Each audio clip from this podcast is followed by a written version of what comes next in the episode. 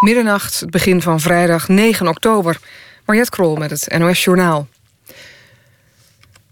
Justitie heeft de afgelopen 2,5 jaar 117 leden van motorclubs voor de rechter gebracht. Zes van hen zijn vrijgesproken, staat in een brief van minister Van der Steur... over de aanpak van criminele motorclubs. De meeste veroordeelden kregen een celstraf van een jaar of langer... voor geweld, drugshandel of witwaspraktijken.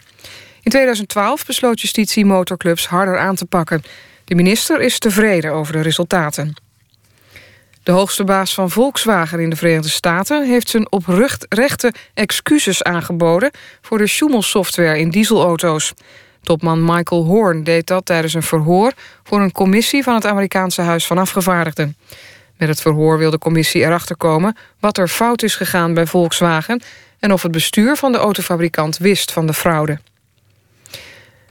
De politie in dat bericht. Nee, de politie in Den Haag wil discriminatie harder aanpakken. Zo moeten er meer niet-westerse agenten worden aangenomen... en worden aangiftes van discriminatie voortaan beter geregistreerd. Dat zegt burgemeester Van Aartsen. Volgens hem is er behoefte aan meer diversiteit. Den Haag trekt ruim een miljoen euro uit om voor eind volgend jaar... minstens 500 jongeren in de Schilderswijk aan een baan of opleiding te helpen. Michel Platini legt zijn taken als voorzitter van de Europese voetbalbond UEFA voorlopig neer. Het besluit volgt op de schorsing van Platini als vicevoorzitter van de Wereldvoetbalbond FIFA... wegens een onderzoek naar omkoping en fraude in de voetbalwereld. Platini wijst alle beschuldigingen van de hand... en zegt dat hij in beroep gaat tegen de schorsing. Voor het eerst heeft Noord-Ierland zich geplaatst... voor het Europees kampioenschap voetbal. De Noord-Ieren wonnen thuis in Belfast met 3-1 van Griekenland en zijn daardoor zeker van een plaats bij de eerste twee in hun groep. Ook Portugal plaatste zich voor het EK door een 1-0 zegen op Denemarken. Het weer op de meeste plaatsen droog. De komende dag opnieuw veel bewolking en af en toe nog wat regen. Het wordt ongeveer 15 graden. In het weekend wordt het frisser. Dit was het NOS Journaal. NPO Radio 1.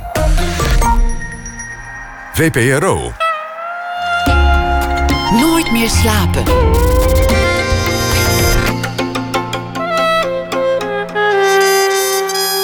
Met Pieter van der Wielen. Goedenacht en welkom bij Nooit meer slapen. Straks na één uur Serge van Vechel en Hanna Hoekstra over de duivel. Naar aanleiding van de middeleeuwse opera Marieken in de tuin der lusten.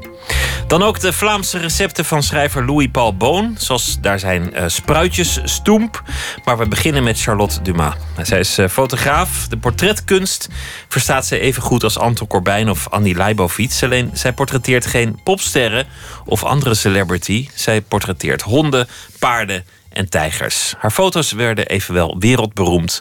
De foto's van de reddende retrievers van het World Trade Center bijvoorbeeld. Of circustijgers of trekpaarden, wilde paarden.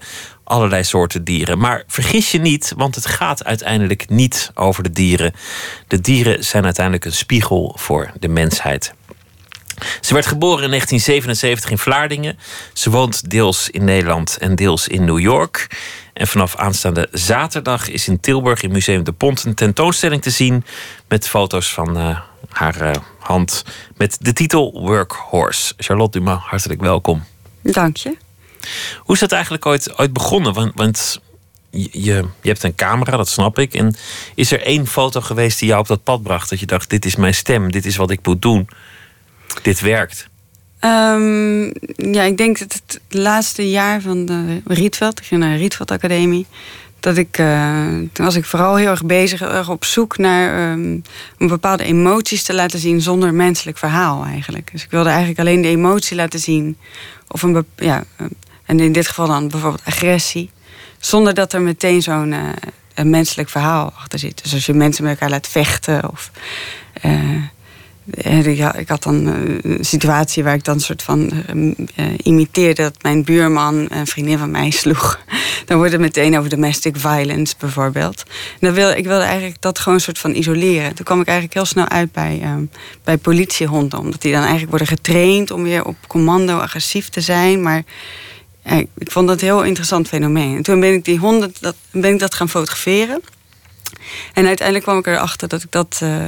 Ik eigenlijk die honden zelf heel graag gewoon in rust wilde fotograferen. Als, als een portret van een politiehond. En dat durfde ik toen nog eigenlijk niet eens hardop te zeggen. Want dan, uh, dat vindt niemand wat natuurlijk. Maar uh, toen ben ik daarna naar de Rijksacademie gegaan. En daar had ik dus uiteindelijk de vrijheid om. Uh, ja, toen heb ik al die ME'ers met die politiehonden uitgenodigd in mijn studio toen nog. Om die te fotograferen. En dat was wel een beetje het begin van dat ik dacht. Hey, ik kan ook een portret van een dier maken. Maar het ging je in eerste instantie over een foto van een emotie. Dus, dus bijvoorbeeld agressie noem jij nu, maar het had ook kunnen zijn verdriet. Ja. Of, of, of liefde, of jaloezie, of, Ja. of wat dan ook. Maar, maar dat kon je op de een of andere manier via de mensen niet vangen. Je kon niet een, Nee, een verlaten man fotograferen en dan zeggen een serie over verdriet. Nee, maar het wordt meteen veel te narratief voor mij. Het is altijd, als je naar iemand anders kijkt, daar zit altijd een menselijk verhaal achter. Omdat het iemand is zoals jij zelf bent, spiegel je jezelf. Je, je komt nooit los van het verhaal van die ander. Of je nou weet of het nou het echte verhaal is of niet, of je eigen interpretatie. Toch blijft dat heel. eh, Het staat er dicht eh, bij je of zo. En als je naar een portret van een dier kijkt, dan ben je eigenlijk veel vrijer om, om daar allerlei em- emoties eh, in te herkennen van jezelf, zonder dat je dat menselijke verhaal er, erbij hebt. Stel, jij zou een foto maken eh, van Jack. Jack is reddingswerker eh, geweest eh, in het World Trade Center op 11 september 2001. Heeft vreselijke dingen meegemaakt, maar is een held. Je zou een prachtig portret van hem maken. Je zou daar heel lang mee bezig zijn. Je zou hem echt één seconde in de ziel kijken. En net op dat moment zou je afdrukken. Dan nog zou Jack achteraf kunnen zeggen: Ja, maar ik, ik ben er overheen of dit is het. En dat, die woorden zouden jou in de weg zitten. Nou, niet zozeer dat. Ik denk meer van dat. eh, Jack die is zich heel erg bewust nog steeds. Die herinnert zich nog steeds dat dat gebeurde. En die heeft daar eh, misschien wel een trauma van. Of, eh, die komt daar nooit helemaal los van. Want die, is natuurlijk, die heeft dat bewustzijn. En die honden bijvoorbeeld, die, die retrievers, die heb ik dan tien jaar later gefotografeerd. En iedereen ziet daar natuurlijk van alles in. En sommige mensen schreven mij, je kan zien dat ze zoveel hebben meegemaakt. En, maar in feite is dat natuurlijk ook allemaal projectie. En dat is ook heel legitiem dat we dat doen. Want wij we proberen op een of andere manier een relatie aan te gaan met andere wezens die niet ons zijn. Dus het blijft altijd natuurlijk een beetje ja, eh, eh, moeilijk in, in wezen. Maar die honden zelf zijn, eh, zijn eigenlijk heel. Kijk, dat vind ik het mooie van dieren. Ze zijn, eigenlijk, ze zijn en heel universeel en ze zijn heel erg in het moment natuurlijk. Want ik weet niet of dat. eh, ik denk dat dieren namelijk heel goed emoties aanvoelen. Je weet dus eigenlijk niet het- of ja. zo'n retriever een herinnering heeft aan 11 september 2001, laat staan een trauma. Ja, inderdaad. Ja. Het, het, het waren niet allemaal professionele retrievers. Het, het waren ook voor een deel honden die werden opgeroepen van wie heeft er nog een hond met, met een goede neus. Want we hebben echt elke hond uit de regio op dit moment nodig. Meen Ja. ik me te herinneren. Nou, ja, er zijn verschillende eh, verhalen over. Maar de, de honden die ik heb gefotografeerd waren allemaal eh, de- deployed, hoe noemen we dat? Eh, Professionals. uitgezonden via FEMA, dus de Emergency Task Force. Dus dat waren dan wel echt getrainde honden. Want je hebt ook honden die zoeken specifiek naar overlevenden. En je hebt honden die zoeken, die zoeken echt specifiek naar mensen die niet meer leven. Dus dat zijn allemaal verschillende, die worden daarvoor getraind. En die honden, en die honden dat was natuurlijk wel. Kijk, wat ik heel mooi van vond, eh, of mooi, maar wat, wat toen ook iedereen zag dat die honden, die foto's van die honden, die, die kwamen overal in dat eh, maar steeds naar voren. Want dat was eigenlijk het enige soort van positieve wat je kon laten zien in, in, in die ellende en die, eh, die devastation van, van het gebeurde. En wat die, die, was een soort van troost ook, ging daaruit vanuit. En uiteindelijk eh, had dat eigenlijk dezelfde uitwerking tien jaar later, toen ik die portretten maakte, kreeg ik dezelfde, of ik, maar er werd dezelfde respons kwam daarop. De mensen reageerden heel emotioneel op. En, maar ook maar een soort positief, omdat een soort optimisme uit die honden spreekt natuurlijk. Hoe ben je toen te werk gegaan? Want eh, allereerst het idee, nou ja, dat is er dan. Dat neem ik voor kennisgeving aan. Maar dan moet je die honden opsporen. Dat, dat is al volgens mij best ingewikkeld. Waar zijn de gepensioneerde zoekhonden van 11 september 2001? Hoe heb je die gevonden? Ja, via FIMA. Dus via contact bij FIMA. En die hebben toen in hun hele netwerk eh, ja, eh, eh, geraadpleegd en gevraagd... zijn er nog mensen die to- toen en toen daar waren... die met die honden hebben gewerkt. En daar kwamen toen eh, ja, een aantal, uiteindelijk 15 eh, reacties op van mensen. Nou, wij, die hond hebben wij nog en die leeft nog. En die ben ik toen allemaal een soort van gaan opzoeken. En ja, in eerste instantie was ik heel naïef natuurlijk om te denken dat die allemaal uit New York zouden komen. Maar die kwamen ook uh, vanuit de hele Verenigde Staten. Dus toen werd het ook een soort ja, portret. En ik ben heel romantisch ingesteld iemand. Dus ik vind het ook een heel mooi idee dat ik dan die honden op een of andere manier weer bij elkaar bracht of zo. En dat ze, toen tien jaar geleden waren ze daar allemaal op die, bij het WTC eh, of, of bij het Pentagon. En nu uh, ze weer samen in dat boek. En dus Ehm, mijn series zijn ook altijd uh, ja, een soort groep. Ik zet als groep weer bij elkaar. Dus dan hebben ze ook weer steun aan elkaar. Ik, heb, ik heb, dat soort verhalen maak ik wel in mijn hoofd als ik mijn werk maak. Ik vind dat mooi hoe portretfotografen, en dan gaat het over mensen, te werk gaan. Dat ze, sommigen die maken meteen bij binnenkomst al de foto, want dan is iemand nog, nog niet aan het poseren. Anderen die maken iemand aan het schrikken. Die zeggen, oh heb, ik heb per ongeluk op de oprijlaan een kat doodgereden. Was die van jou? Klik, afdrukken. Ja. Andere mensen die, die gaan uren praten als een interview en dan maken ze die foto. Hoe doe je dat eigenlijk met honden? Heb je ook rituelen? Ja, met die is, heel, is eigenlijk heel... Uh heel makkelijk. Ja, of niet, maar ze kunnen in ieder geval niet doen alsof. En, uh, en het is ook een beetje geluk hebben. Dus vooral heel veel geduld hebben. Gewoon uh, observeren en wachten en kijken. Ja, en ook een beetje geluk hebben. Ja. Ik bedoel, ik, ben, ik zoek de moment, ik zoek de plekken waar die, die relaties of, die, of mijn onderwerp zich bevindt. En dan.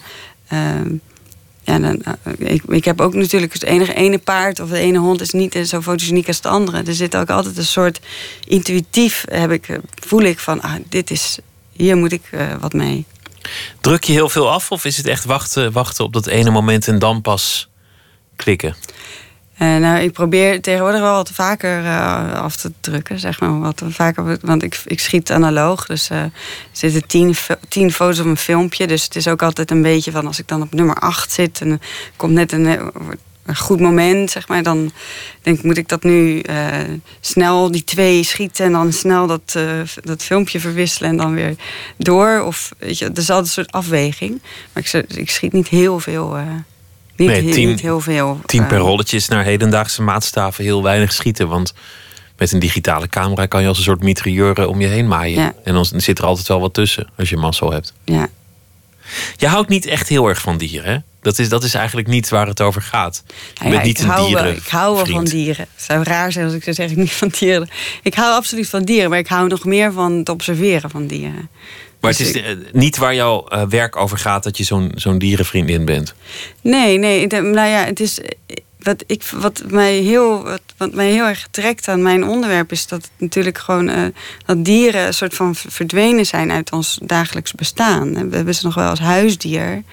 En, en, en het zijn natuurlijk ook, uh, ook een product voor de vleesindustrie. Maar uh, ja, dat, dat dieren het soort van in het dagelijkse leven echt onderdeel waren van dat we daarmee geconfronteerd werden. Vooral dan paard en hond of in, in, in een werkrelatie. Dat mensen en dier echt met elkaar samen iets aan het doen waren. Dat het echt je collega is? Ja, bijvoorbeeld. Dat, dat is echt een beetje verdwenen. En daardoor ja, de, je verlies, verlies je als maatschappij volgens mij ook wel heel veel. Omdat je, en ook individueel als mensen, omdat dieren geven een ander perspectief op het leven. Zij zijn eigenlijk de enige getuigen van ons. Als, wij je, kunnen, wij kunnen alleen maar mens zijn omdat er andere soorten zijn. Je bent alleen maar mensen in verhouding tot een andere soort. Ja, net als dat ik alleen maar. Ik besta ook bij, bij gratie van de mensen om mij heen en mijn vrienden. En die, daardoor weet ik wie ik ben. Dus het is ook een beetje. Ja, dat is, het is misschien een heel filosofisch eh, uitgangspunt natuurlijk. Maar gewoon. Uh, ja, dat, dat die dieren geven. Zij zijn de, de living other eigenlijk op deze planeet. Dat... En dus ook een spiegel. Eigenlijk stelt zo'n foto van een dier jou de vraag: wat is het om mens te zijn? Ja, ja want ze hebben niet. En wij, volgens mij hebben wij altijd een niet aflatende verlangen om, om, om dieren te begrijpen. Of dat we willen dat zij ons begrijpen. En we willen ons daar graag toe verhouden. De relaties met andere mensen kunnen ook heel vaak heel teleurstellend zijn natuurlijk. Met dieren natuurlijk ook uiteindelijk. En met dieren uiteindelijk ook. Ik bedoel, het, het is ook mooi om te zien mensen die heel veel met dieren werken of met, voor dieren zorgen. Eigenlijk altijd een hele goede, heel goed begrip hebben van de capaciteit van die dieren. En mensen die helemaal niet met dieren omgaan. En ze eigenlijk alleen maar kennen van um, ja, uh, plaatjes bijvoorbeeld. Die, uh, die helemaal niet zo goed weten wat, dier nou eigenlijk echt is of zo. Wat betekent het voor jou, menselijkheid? Als, als dat het grote filosofische onderliggende thema is, nou, dan kunnen we hem net zo goed op tafel leggen. Menselijkheid. Wat, wat is menselijkheid? Ja, nou ja, de, ik denk toch ook wel voor een groot deel uh, empathie. Dat je in, in iemand anders kunt uh, inleven. Of dat je je kunt voorstellen hoe iets is voor iemand anders. En dat is met dieren natuurlijk uh, uitermate ook zo. Dat je, als je je kunt voorstellen hoe iets is voor een dier. Ik bedoel, dat is zo'n ander wezen. Het is zo moeilijk om dat te doen. Ik denk ook, weet je, dieren komt natuurlijk ook snel uit op kinderen altijd. Noem ik altijd in één adem mee. Want kinderen en dieren zijn, zijn volgens mij van evident belang voor ons. Um, voor ons besef van empathie. Of ze brengen ons dat bij eigenlijk. Dat klinkt een beetje zoetsappig, maar dat, daar geloof ik wel in. Ja. Dat, die nabijheid, dat uh, geeft ook een soort van de mogelijkheid tot bezinning. Hè. Uiteindelijk zijn mijn portretten ook wat ik heel graag heb, is als mensen ervoor staan dat, ze het, dat je even tot rust komt. Dat je gewoon even een soort uh, relatie aan kunt gaan met, met dat portret op dat moment. Want het lukt je in het echt niet om heel lang te kijken naar een dier. Ik ben vanmiddag uh, gaan kijken in Tilburg. Uh, het is nog in opbouw, maar het meeste hing al. Ja. Eigenlijk voldoet het aan alle wetten van de portretkunst. Zoals, zoals uh, Corbijn dat doet met, met Bono. Of zoals iemand anders dat doet met, met, met een andere grootheid. Of, of met een, misschien wel een vreemde. Je vangt iemand in de ziel. Je kijkt iemand in de ogen. Je, je vangt precies dat moment, dat verhaal in dat, dat ene shot alle wetten van de portretkunst zitten erin. Het enige verschil is, het is een paardenkop.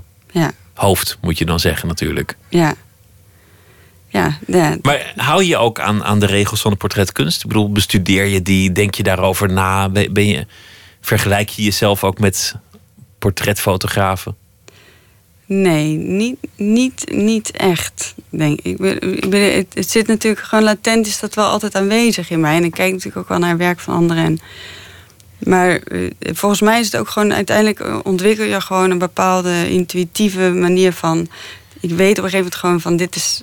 Zo is het goed. Weet je wel? Zo is, uh, het is altijd heel moeilijk om uit te leggen waarom je dan een compositie kiest zoals je hem kiest. Of de, en, en, en wederom, ik bedoel, met, zeker met, met dieren, het is ook een soort van. Met, met die paarden in Japan je moet ook op het juiste moment op de juiste plek zijn. En dan soms is het daar gewoon. En die paardjes, eh, bijvoorbeeld op dat eiland in Yonaguni, dus het meest zuidelijke eiland van Japan. Heel klein eiland van 3 bij 8 kilometer. Daar, uh, die paardjes, zijn hele kleine paardjes eigenlijk. Maar ze, het zijn geen, ze zeggen ook ponies, omdat ze zo klein zijn. Maar ze zijn heel rank. Dus het lijken gewoon hele kleine paardjes. Maar die staan daar heel zen op dat eiland. Dus die stonden ook gewoon heel lang stil. En dan en dan kan ik heel lang kan ik daar naar kijken. Want het is, het is wel weer een, een thema. Zoals je de, de reddingshonden van 11 september had gefotografeerd. Uh, deze serie gaat over Japanse paarden. Wat is precies het verhaal van de paarden? Nou, het, het is eigenlijk. Het zijn hele zeldzame paardenrassen van Japan. Japan heeft eigenlijk nog acht over. En het hadden heel veel. En van die acht rassen zijn er zeven eigenlijk. Uh, ja, in zo lage aantallen dat je niet echt kunt zeggen dat daar nog een, een heel erg toekomst in zit. Er moet een bepaalde genenpool zijn. En, um, en ja, toen, toen, ik ben erop gekomen omdat ik eigenlijk bezig was met werkpaarden in het bos. En uh, via via uh, kwam ik toen uiteindelijk in Japan terecht ook. Het leek mij mooi, omdat die paarden dan in een andere vegetatie werken. En uh, die man vertelde mij over de, een van die native paardenrassen. En uh, ja, op zich, op papier klinkt dat dan als... oh, de acht paardenrassen van Japan. Kan ook heel saaie uh, catalogus worden van die rassen. Dat, dat vind ik dan minder interessant. Maar wat, me wel, wat ik wel heel interessant vind... is dat het hele fenomeen van uitsterven. Weet je, waarom sterft iets uit? Omdat iets er niet meer toe doet. Waarom doet iets er niet meer toe? Omdat het niet, niets meer waard is voor iemand. Weet je, omdat ze geen meer belang hebben. En daar komt uiteindelijk natuurlijk altijd uit op dat je geen economisch belang meer hebt. Het komt tegenwoordig met uitsterven toch ook vaak een beetje op de mens. Ik bedoel, je kunt zeggen iets sterft uit omdat het evolutionair het niet gehaald heeft. Omdat het niet voldoende aangepast was aan de omstandigheden. Maar in praktijk gaat het toch weer over mensen. De mens heeft ze nou ja, heeft de habitat vernietigd of de mens heeft ze niet meer nodig. Ja. Of de mens heeft ze allemaal opgegeten. Ja, en dan heb je natuurlijk ook weer dezelfde mensen. andere mensen dan, maar hetzelfde soort, die, die dan toch heel hard uh, werken om dat niet verloren te laten gaan. En dat vind ik natuurlijk ook heel mooi. Dan kom ik weer op de romantiek uit, maar gewoon dat je. Uh, weet je wel, wat, voor sommige mensen is het dus wel waard om. Want het zijn natuurlijk soort monumenten van zichzelf, soort levende monumenten geworden. En die paardenrassen, eigenlijk, eh, het mooie van werken met dieren is ook altijd het gaat natuurlijk, uh, mijn werk, uh, werk heel veel met mensen omheen. Want dieren, die zitten om die dieren heen en die geven mij toegang. De reddingswerkers, de, de, de tijgertrainers. De... Ja, en de mensen die voor die paarden zorgen in Japan. Uh, ik bedoel, die, ik ben totaal afhankelijk van hen natuurlijk. Ook in de informatie die ze mij geven. En ik kom daar niet zomaar alleen maar een fotootje maken. Ik, ik wil ook ik wil begrijpen wat, wat, wat is de geschiedenis van dit paard. En dat, dat hoef ik allemaal niet letterlijk te vertellen in een soort van hele lange bijgaande tekst of zo. Maar ik vind het wel belangrijk dat je. Ik geloof wel dat je kunt voelen in werk dat erin geïnvesteerd is. En dat je kunt voelen dat dat, dat, dat meer om het lijf heeft dan alleen, alleen uh, uh, de afbeelding. Of een mooi moment, of een, of een goed shot, of een, of een ja. toevallig uh, nou, en dat, aanwezig en dat, paard. Dat is ook dat komt aan de orde door de edit, door de, de combinatie, de selectie van beelden bij elkaar. Uiteindelijk is die ene foto is alleen die ene foto, maar samen wordt het een verhaal natuurlijk. De romantiek noem je. Dat is, dat is eigenlijk nou ja, oorspronkelijk de reactie op de verlichting, het rationele, dat, dat, dat alles met het verstand overwonnen kan worden. Ja. En dan, dan was er ineens die groep mensen die, die hun toevlucht zochten tot de overweldigende natuur waar net dat ene gebeurt wat je niet kan bevatten. Ja. Eigenlijk ook een beetje het verlangen om, om weg te gaan van de ratio, weg te gaan van de berekening. Is, is dat iets wat bij jou past? Ja, zeker. En dat is natuurlijk ook in de relatie tot dieren. Maar misschien ook, en ook in de relatie tot kunst. Ik bedoel, daar gaan vaak ook hele processen in je, in je lichaam en hoofd... die helemaal niks meer te maken hebben met ratio. Dat, dat je door iets, waarom word je door iets geraakt? Weet je? Als je een boek leest of als je uh, muziek hoort of, of naar kunst kijkt. Of, eh, of met, sommige dingen zijn gewoon intuïtief. En wij zijn volgens mij zo gewend, eh, ook zeker hier in het Westen, om alles, we moeten alles begrijpelijk maken en bedenken. En in een Excel-sheet neerrammen en onderaan de streep kijken wat rendabel is. Ja, want dat emotie natuurlijk ook ergens een soort van inferieur is of zo. Daar moet je niet op vertrouwen. En, uiteindelijk kun je natuurlijk heel vaak juist wel op je emoties vertrouwen. En uh, ja, dat is misschien ook dan soms wat ik natuurlijk een beetje heb met die dieren, uh, dierenfotografie. Dat het dan ook een beetje wordt afgedaan als uh, ja, iets wat niet helemaal volwaardig is. Nou ja, je beroemdste eerste recensie, en het is altijd mooi als iemand de plank mislaat, en hij is ook al heel vaak aangehaald, was uh, Kiekjes voor paardenmeisjes. Heeft iemand ooit geschreven? Ja, zoiets, ja. Iets, of iets, iets van die strekking. Ja, ja. Ja, nou, daar was natuurlijk heel gefrustreerd over toen. Maar toen was ik, was, was ik net begonnen. En toen dacht ik van ja, ik wil ook. Um, ik wist natuurlijk zelf al, ik wist ergens wel al. Mijn werk heeft zich natuurlijk ook voor mij ontwikkeld. Ik bedoel, ik begrijp nu veel beter waar ik mee bezig ben dan tien jaar geleden. Maar ik wist toen wel al dat het mij niet alleen om de esthetiek ging.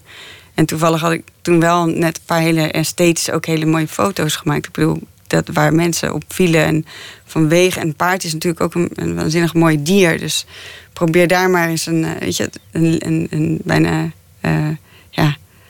Iets heel rauws nou ja, maken. Ja, probeer daar maar eens dan, dat te ontstijgen of zo. En dat, ik wist wel al dat ik dat, wilde, dat ik dat wilde ontstijgen. Dat dat geen afbeelding werd van een paard, maar echt een portret van een paard. Maar ja, dat is natuurlijk een heel ambitieuze gedachte. Je had toen ook geen oeuvre. Inmiddels weten mensen wie je bent en waar het over gaat en, en heeft het zich uh, bewezen. Ik wil, uh, voor we verder praten, um, wat muziek laten horen van Nadia Reid. En dat is een uh, Nieuw-Zeelandse singer-songwriter. En we gaan een nummer van het nieuwe album draaien met de titel Call the Days.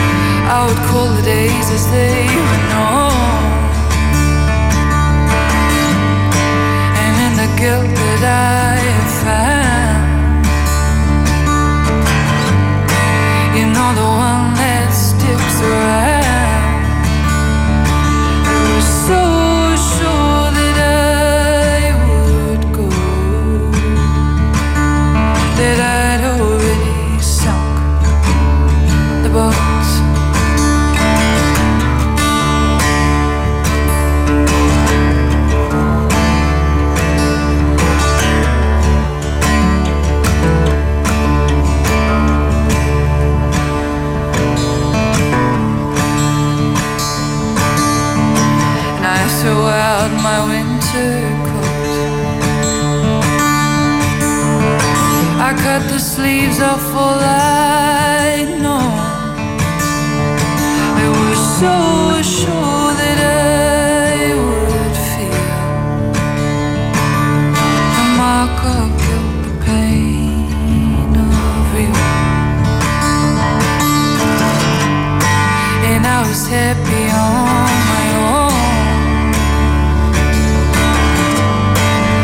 I would call the days as they were known.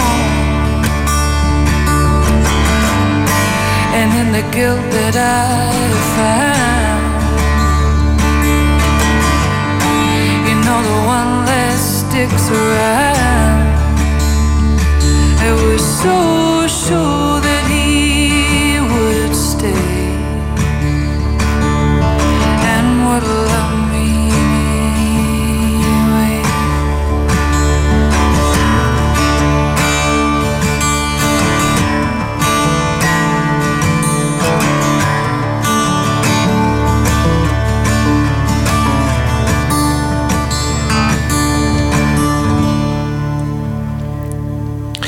Nadia Reid van eh, de Nieuw-Zeelandse. Oh ja, zo heet Nieuw-Zeelands. En het nummer heet Call the Days van het nieuwe album Listen to Formation. Look for the Signs is daarvan de titel. Charlotte Dumas zit tegenover mij in eh, Museum de Pont in Tilburg. Is eh, een tentoonstelling, Workhorse, van foto's die ze heeft gemaakt van Japanse paarden. Je noemde de romantiek, het wegwillen van de ratio, het jezelf verliezen in iets dat minder makkelijk te vatten is. Emoties was je naar op zoek, zei je. En daar lenen dieren zich ook. De romantische schilders van wel eer, die zochten het eigenlijk ook altijd bij de dieren. Eugène Delacroix is volgens mij een van jouw grote helden. Ja, Heel bekend van het, eh, het schilderij uit 1830 van de revolutie. De, de vrijheid leidt de mensen. Dan zie je iemand met een vlag en één ontblote tiet en, en, eh, en iemand met een baret en een geweer. En dat, dat hoopt zich allemaal op. Ontzettend vaak geïmiteerd. ja. Maar daarnaast maakte hij ook prachtige paardenschilderijen. Ja, ja. eh Delacroix en ook Jericho. En het grappige is, ja, toevallig stond dus vandaag een, een eh, column van Sandra Smallenburg in de NRC. Waarin zij dat aanhaalde. Want ik, heb de, ik mocht toen een keer lang geleden een foto kiezen. Eh, voor, eh, dat heet toen nog M Magazine. En dat was dus eh, een werk, of een werk, een kunstwerk. En dat was een kunstwerk van Delacroix. Een klein werk wat in het Louvre hangt van een, van een leeuw die een paard aanvalt. En ze hebben eigenlijk een beetje onhandig geschilderd. Wel prachtig, maar niet, niet helemaal waarheidsgetrouw, maar heel expressief. Niet helemaal geloofwaardig, want, want die leeuw die hangt echt. Het is ook een leeuwin, geloof ik. Zelfs. Maar Ja. die, die, die hangt echt ook in dat paard. Alsof die hem bereidt. Alsof die als een soort jockey er bijna vanaf flikkert. Ja, en het is natuurlijk ook, want dat hebben zij waarschijnlijk ook zelf niet op die manier gezien natuurlijk. Dus dat moesten ze toch een beetje verzinnen. Ik was er vroeger altijd wel jaloers op schilders nog steeds. Want die kunnen gewoon dan die dingen combineren in hun schilderij. Wat, als fotograaf kun je dat niet, niet, niet dat ik dat zou willen fotograferen, maar hè, soms, ja, je, ik moet het echt zoeken. Ik moet altijd op zoek. En, eh, eh, maar ik, ik, ik moest er wel aan denken, omdat ik, ik was zelf altijd- op zoek naar die soort van die, die, soort van die, die expressiviteit. Of dat, die, die dynamiek die daarin zit. eh, dat soort, eh, ik, ben, ik heb in 2004 ook, toen ben ik begonnen met legerpaarden in Rome. En dat was ook eigenlijk een beetje, want ik wist dat zij ook van die, nog van die, ja, van die een soort van ouderwetse Napoleon hoeden en zo. En het leek me zo mooi als ik dan ook zo'n soort spektakel, eh, een foto kon maken, zeg maar, zoals Delacroix dat, weet je, een soort à la de revolutie. eh, ja, dat was natuurlijk, eh, dat lukt natuurlijk niet. Want Zijn schilderijen, daar, daar zit altijd beweging in. Er, er, er gebeurt iets. ja, Maar het is ook altijd dat het emotie ademt. En, en dat het overweldigend is. Het is iets groots. Ja, het is dramatisch. bombastisch. ja, Want, want op dat, dat doekje van die, die leeuwin die, die in, een, in een paard hangt... daar het bijna alsof het bos op de achtergrond ook een muil heeft. Ja. Ook probeert de boel nog ja, eens extra is, te e- dat is verslinden. eigenlijk ja, is echte romantiek. Dat is, eh, maar dat is echt heel erg over de top, eigenlijk, zou je nu zeggen. En het grappige is dat ik daar, toen ik daarmee naar op zoek was. Ik denk, voor mij is dat eigenlijk altijd een punt geweest waarvan ik dacht, nou, daar is echt iets begonnen. Waarbij ik echt mijn, mijn spoor vond of zo. Omdat ik toen eh, die, zij deden van die exercities met heel veel paarden. En dan, ik probeerde dat dan steeds te fotograferen. Want dat was altijd s'nachts en dat was dan donker. En dat is natuurlijk allemaal heel onmogelijk om te doen. En dan voordat dat dan gebeurde, was dan drie uur s'nachts... dan wandelde ik door die stallen. En toen zag ik al die paarden daar gewoon liggen. Te liggen. En dat vond ik zo, opeens zo bijzonder... dat ik dat toen heb gefotografeerd. En eigenlijk doe ik tot nu toe nog steeds... ik ben eigenlijk altijd nog steeds op zoek naar een soort van dynamiek... maar ik kom eigenlijk altijd terug met hele ingetogen, heel die- ingetogen werk. Die, die eh, Romeinse paradepaarden, die, die, die zijn dan helemaal opgetuigd. En er zit ook nog iemand op met een bondmuts. En het is allemaal groot spektakel. Bedoeld om een enorme kracht uit te stralen. En de paarden die jij fotografeert vervolgens, van alle franje ondaan, die liggen een beetje vermoeid in hun stal. Die, Ja. zijn, die zijn echt een beetje afgepeigerd. En die lijken ook een beetje de, de camera in te zuchten van nou, Ja. vandaag even niet. Ja, maar dat is uit. Ik, ik, ben, ik vind ook altijd. Ik heb ook de paarden van Arlington National Cemetery gefotografeerd. Dus dat zijn de paarden die de, de, de lijkkisten van eh, gevallen soldaten naar hun laatste rustplaats bre- brengen. En die heb ik ook s'nachts gefotografeerd. Het is eigenlijk een soort van herhaling wat ik al eerder had gedaan. Maar toch is dat een heel andere serie geworden. Ook omdat ik er nu nog, nog dichter op kroop eigenlijk. Maar ik vind met name het moment... eh, ik fotografeer ook veel werkende dieren, waar ze dan nog zijn. Maar het moment dat ze niet aan het werk zijn... dat ze, dat ze tussen twee acties in zitten... dat er opeens opeens de rust is.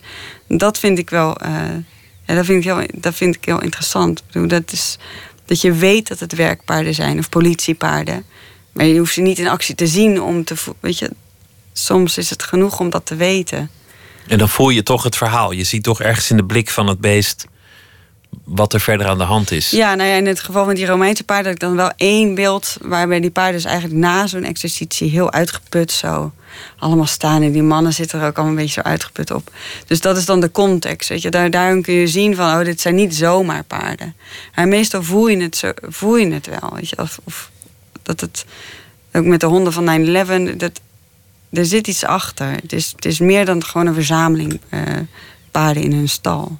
Dan lijkt het wel of paarden toch een verhaal hebben. Ze hebben geen taal wellicht. Of althans niet op onze manier. Maar ze hebben kennelijk toch emoties of een soort gesteldheid. Of er zit toch meer in dan reflexen en instincten. Oh nee, absoluut. Absoluut. Oh, ik geloof.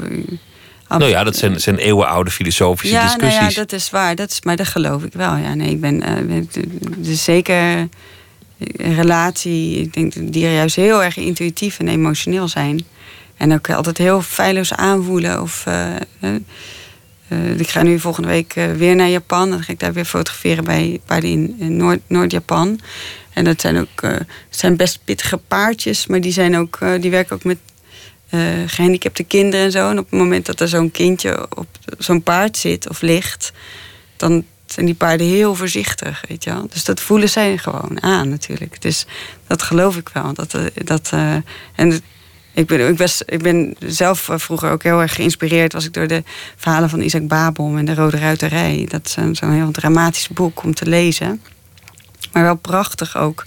Eh, de ontberingen die dan zowel paard als rijder met elkaar doorstaan.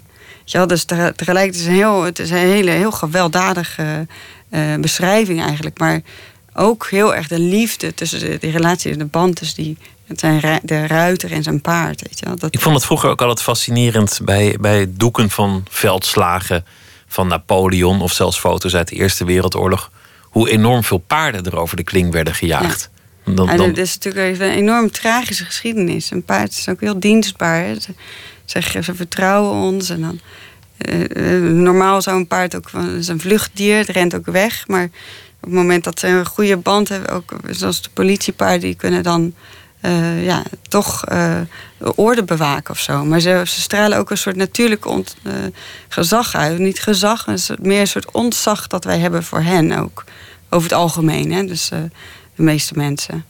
Dat, dat is iets. Eh, er is toch een. ehm, nou, dat was een paar jaar, paar jaar terug bij Hoek van Holland. Toen een, een eh, menigte Ja. slaags raakte met de politie. En een paar agenten waren ingesloten. Ja, Moesten hun pistool eh, trekken, maar dat had eigenlijk geen effect. Niemand reageerde. ja. Toen lieten ze de paarden erop in galopperen. en, en iedereen was binnen een mum van tijd ja, omgekeerd. toen was ik echt heel ontroerd toen ik dat las. Daar kan ik dan echt heel ontroerd door raken. Dat vind ik zo mooi. Ik denk van die, die, die man die dan met die zes paarden. En dat lukt dan, weet je wel. Dat komt door die samenwerking en door, door die dieren gewoon. Dat, dat zij dat gewoon. Doen, niet- terwijl ze eigenlijk ook waarschijnlijk denken... nou, harde muziek, er wordt hier geschoten, hooligans. Ja, maar ik dat is weg. dan gewoon toch. eh dat is ook weer een andere relatie. Ik ben, het is echt een samenwerking. Dat geloof, dat geloof ik e- echt. Dat is. ehm, Je zei, ik, wil, ik ben geïnspireerd door die grote romantische kunstenaars... met, met hun wat bombastische doeken... maar zelf maak ik eigenlijk altijd iets ingetogen. Ja. Je hebt ook circustijgers gemaakt. Dat, dat verhaal gaat heel erg ook over mensen. Over de, de mensen die hen trainen. Ehm, je, je kan dan natuurlijk heel makkelijk kiezen voor foto's van tijgers... die, die dramatisch zijn, die laten zien dat er misstanden zijn... of dat, dat het zielig is voor de tijger... of een tijger in een kooi... of een tijger in een brandend hoepeltje... of ja, nou of, ja, of weet ik het. Tijgers horen natuurlijk ook niet in een circus. Dat is. eh, Dat, Maar dat zijn niet de foto's die je gemaakt nee, maar hebt. dat, maar dat komt. eh, Wij, ik, ik, wij, ik was toen. eh, wij, reden, wij reden toen mee met een heel klein circus. En met een trainer die de tijger.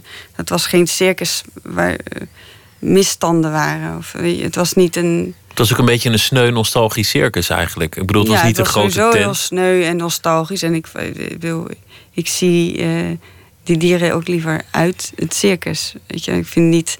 Maar, dit, maar het is. Ik, ik, ik vind kunst gaat altijd over de nuance. Het is heel makkelijk om heel zwart-wit te zijn over situaties. Om te zeggen, nou, als dit zo is, dan, is het, dan vind ik het eh, niks. En als het zo is, dan is het goed. Maar de realiteit is vaak heel anders natuurlijk. Nou ja, in, En- in het geval van deze tijger is, is het een beetje een tragische situatie. Want als je die tijger in, in, eh, in de natuur zou uitzetten, zou die geen dag Maar het redden Ik heb ook waarschijnlijk. heel veel tijgers gefotografeerd in van die eh, sanctuaries in de, in de Verenigde Staten. En er zijn iets van 15.000 tijgers, in, eh, of exotische katten in, in de Verenigde Staten die eh, werden gehouden door mensen thuis. En dan worden die worden gewoon eigenlijk zoals, wij, zoals honden of katten een beetje dan verwaarloosd. En die komen dan in van dat soort parken terecht die, die mensen gewoon zelf bouwen om die beesten op te vangen. Het is natuurlijk eigenlijk ook heel eh, schrijnend. Ik bedoel, dat is ook, eh, daar horen ze ook niet of zo. Dat is, waar ze eigenlijk horen, dat is al. Ja, dat, dat wordt steeds kleiner. Dat is, niet, dat is bijna niet. eh, De mensen worden ook. eh, ja, de dieren worden ook een beetje geacht mens te worden. Of in ieder geval mee te draaien in onze menselijke samenleving. Hoe kom je op die verhalen? Want, want ik had nog nooit gehoord van die Japanse paarden waar, waar je nu eh, het over had. Eh, bijvoorbeeld de retrievers van World Trade Center. Het, het zijn ook wel echt documentaire onderwerpen. Hoe komen die Ja. op je pad? Ja, min of meer, het, eigenlijk dient het ene onderwerp zich altijd een beetje aan van, vanwege het voorgaande of zo. Dus dat van die retrievers. eh, ik kan het wel heel specifiek zeggen. Ik- was in Italië, om, toen was ik uitgenodigd om werk te maken. En toen, eh, dat moest per se eh, gaan over, over dan een onderwerp in Ligurië. En nou, toen heb ik werkhonden gefotografeerd in Ligurië. Daar was ik eh, nou, misschien niet een van mijn beste projecten, maar het was wel, eh, was, was wel heel leuk om te doen. En een van die honden was een reddingshond in het water. Dus een, eh, ja, zo'n br- reddingsbrigade. En dat was een hele oude hond, die was al 16. En, die heb ik toen gefotografeerd. En toen, dat bracht me eigenlijk weer, dat portret bracht me eigenlijk weer terug naar die foto's van 9-11. Omdat ik opeens dacht van, hé, hey, dat, dat, dat was in 2010 dat ik dat deed. Ik, dat is inmiddels al bijna tien jaar geleden hoeveel van die honden zouden eigenlijk nog eh, leven? Een hondenleven is heel veel korter natuurlijk. Dus eh, toen ben ik dat gaan onderzoeken en kijken van... misschien kan ik er nog wel een paar vinden en die dan fotograferen. Ook omdat, ik weet niet of je, als je zelf wel eens een hond hebt gehad of zo... Dan, ehm, en die gaat dan dood en je bent al volwassen...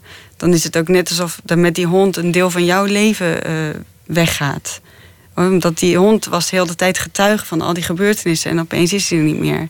En dat, dat, eh, idee, dat idee vond ik ook met de 9-11. Weet je, dat, Die tien jaar die waren aan de honden het beste te zien. Als ja, ze er en, nog en waren. die, en die honden zijn er nu niet meer. Dus de dierlijke getuigen zijn al weg. Weet je wel? Dus dat eh, er is ook een soort van. Ja, een afscheid van dat eerste, eh, zo'n eerste decennium na, zo, na de, die gebeurtenis van 9-11. En eh, dat boek Retrieve, dat is nu ook echt een. eh, er, leeft dus nog één hond. Dat was, dat was ook heel mooi om te zien, want die, eh, die werd dus uitgenodigd in New York City dit, met 9-11 dit jaar. die kreeg dan de Royal Treatment en zo. En dat was natuurlijk eigenlijk één grote soort reclamespotje voor alle mensen die daar dat hadden gedoneerd aan die hond.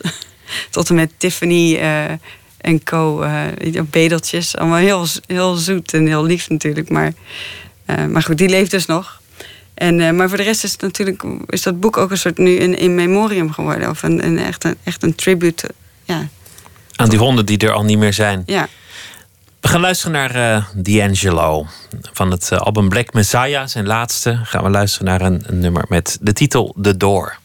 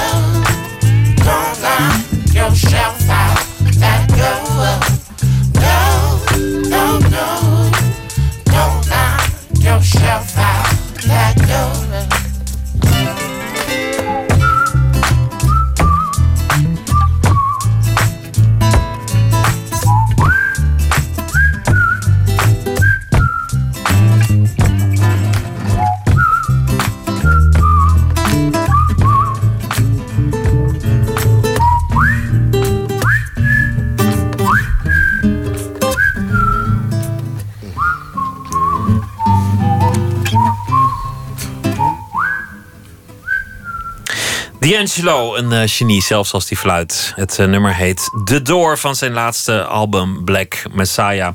Nooit meer slapen in gesprek met uh, Charlotte Dumas... naar aanleiding van een tentoonstelling... die vanaf heden te zien zal zijn in Tilburg in De Pont...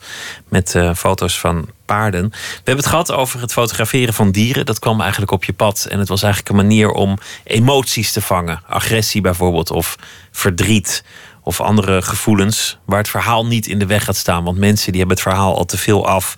Die kunnen een biografie er tegenover stellen. Daarvan weten we eigenlijk wel wat ze willen zeggen. Maar bij zo'n dier dan hoop je het te vangen. Een romantische gedachte. Je zou ook dat je geïnspireerd was door de grote romantische schilders Delacroix en, en anderen. Die, die ook eigenlijk die gedachte hadden van weg van al die ratio. Er is meer. Je wil iets van een ziel vangen iets wat niet berekenbaar is. En zo kom je bij die dierenverhalen. Je bent uh, wel een liefhebber van dieren. Het zou gek zijn als je het niet was. Je denkt ook dat dieren een emotie hebben. Maar uiteindelijk gaat het je om de spiegel. Namelijk, wat is het om een mens te zijn? Je kunt alleen mens zijn als er ook andere soorten zijn. En die verhalen gaan dan ook uiteindelijk over mensen. Want waarom sterft een dier uit door de mens? Of waarom is een dier een circusdier door de mens? Maar daar wil je niet moralistisch in zijn, dat dan weer niet. Want je accepteert het. Kunst moet beide kanten laten zien. Wilde je altijd al kunstenaar worden? Nee, nee. Maar je komt wel uit een familie van heel veel kunstenaars. Ja. Ja, en dat klinkt dan nu, maar ik wilde wel iets. Ik wilde dan wel. Ik wilde eigenlijk heel graag diergeneeskunde gaan studeren. Oké, ja. Maar ja, dat eh, was dat gewoon niet in, zeg maar, met mijn. eh, met mijn eh, pakket en zo. En, was je niet- vakkenpakket Ik was niet goed in de. In, ik ben geen, ben geen beta, dus dat ging gewoon niet. Dat ging niet worden, zeg maar. Nou, wees blij, anders dan stond je nu en dan moest je een kalf halen. Dan sta je met je armen tot je ellebogen in, Ja. in, in een koe. Ja. Ja, en ik ben, nou ja, ik was gewoon, eh, ja, uiteindelijk ben ik dan, ik was dan goed in tekenen. Of, eh, was, de affiniteit lag daar gewoon toch een soort van voor de hand. En toen was ik nog heel jong, toen ben ik echt eh, naar de Rietveld gegaan. Dacht ik, nou, en toen werd ik daar aangenomen, ja, dan, nou, dan ging, dus toen ging ik naar de Rietveld. Ja, dat, soms weet je, als je heel jong bent, dan doe je gewoon, die, maak je die beslissingen nog niet zo heel erg afgewogen van eh, wat wil ik later worden. Ik ga nu. eh, Maar kunst was wel thuis aanwezig. Je werd Ja. wel meegesleept naar het museum en je werd wel gevoed met, Ja. met mooie dingen. Ja, absoluut. Ja, dus eh, dat heeft zeker aan bijge- bijgedragen natuurlijk. Zeker ook met name van hoe je naar dingen kijkt. Wat, wat, voor, wat voor kunstenaars zaten er eigenlijk in jouw familie? Ik denk dat sommige mensen denken Marlène Dumas, maar dat is nou net geen familie. Maar Nee. je, je vader was geloof ik kunstenaar. Mijn vader is eh, schilder en mijn- moeder ook eh, kunstenaar. En eh, En wat maken die voor dingen? mijn vader werkt met aquarel. Dus die maakt grote aquarellen. Zijn Heel realistisch. Van gevels met name. En mijn moeder werkt met textiel, maar doet tegenwoordig ook veel werk in opdracht voor de openbare ruimte. En eh, ehm, ook wel samenwerkingsverbanden. Ja. Vroeger gaven zij dan ook les op academies. En, dat was een beetje zoals het was bij ons thuis. Het wonderlijke is, is dat een kunstenaar op een zeker ogenblik zijn stem vindt. Of zijn stijl, of, of, of iets specifieks dat nou eenmaal bij, bij hem of haar past. Bij jou zijn dat echt die dieren geworden. Je zei in het begin konden mensen het niet plaatsen, want ze wisten gewoon nog niet wat ik ermee wilde zeggen. En ik wist het zelf misschien nog niet eens. Nu is dat gewoon heel duidelijk wat je doet, waar je goed in bent, welke series je maakt. Is dat een, een, een keuze waar je af en toe aan moet houden? Jezelf af en toe aan moet ehm, verplichten te denken? Van, oh ja, ik moet het wel bij die dieren houden... of ik moet me wel hier aan houden. Of gaat het gewoon vanzelf? Nee, nou, ik denk als, op, als ik op een moment op een punt zou komen dat ik het niet meer. Want in, in feite gaat het natuurlijk vanzelf. Op het moment dat ik fotografeer, dan gaat er iets in mij eh, aan. En als dat niet meer aan zou gaan, dan, dan, dan is het op. Dan, moet dan wordt het misschien iets anders. Dus eh, ik volg daarin wel heel erg mijn intuïtie. Tot nu toe is het gewoon nog steeds. En, eh, gaat het nog steeds, ontwikkelt zich nog steeds, voor mijn idee. Het is ook niet. Eh, ik, ik probeer ook eh, toch ook in mijn benadering daar steeds an- keuzes in te maken om mezelf. eh, en je moet jezelf altijd uit je eigen comfortzone schoppen weer. Want dat doe je wel de hele tijd. Je maakt ook film, bijvoorbeeld. Je, Ja. je- bent bezig met, met ander soort fotografie.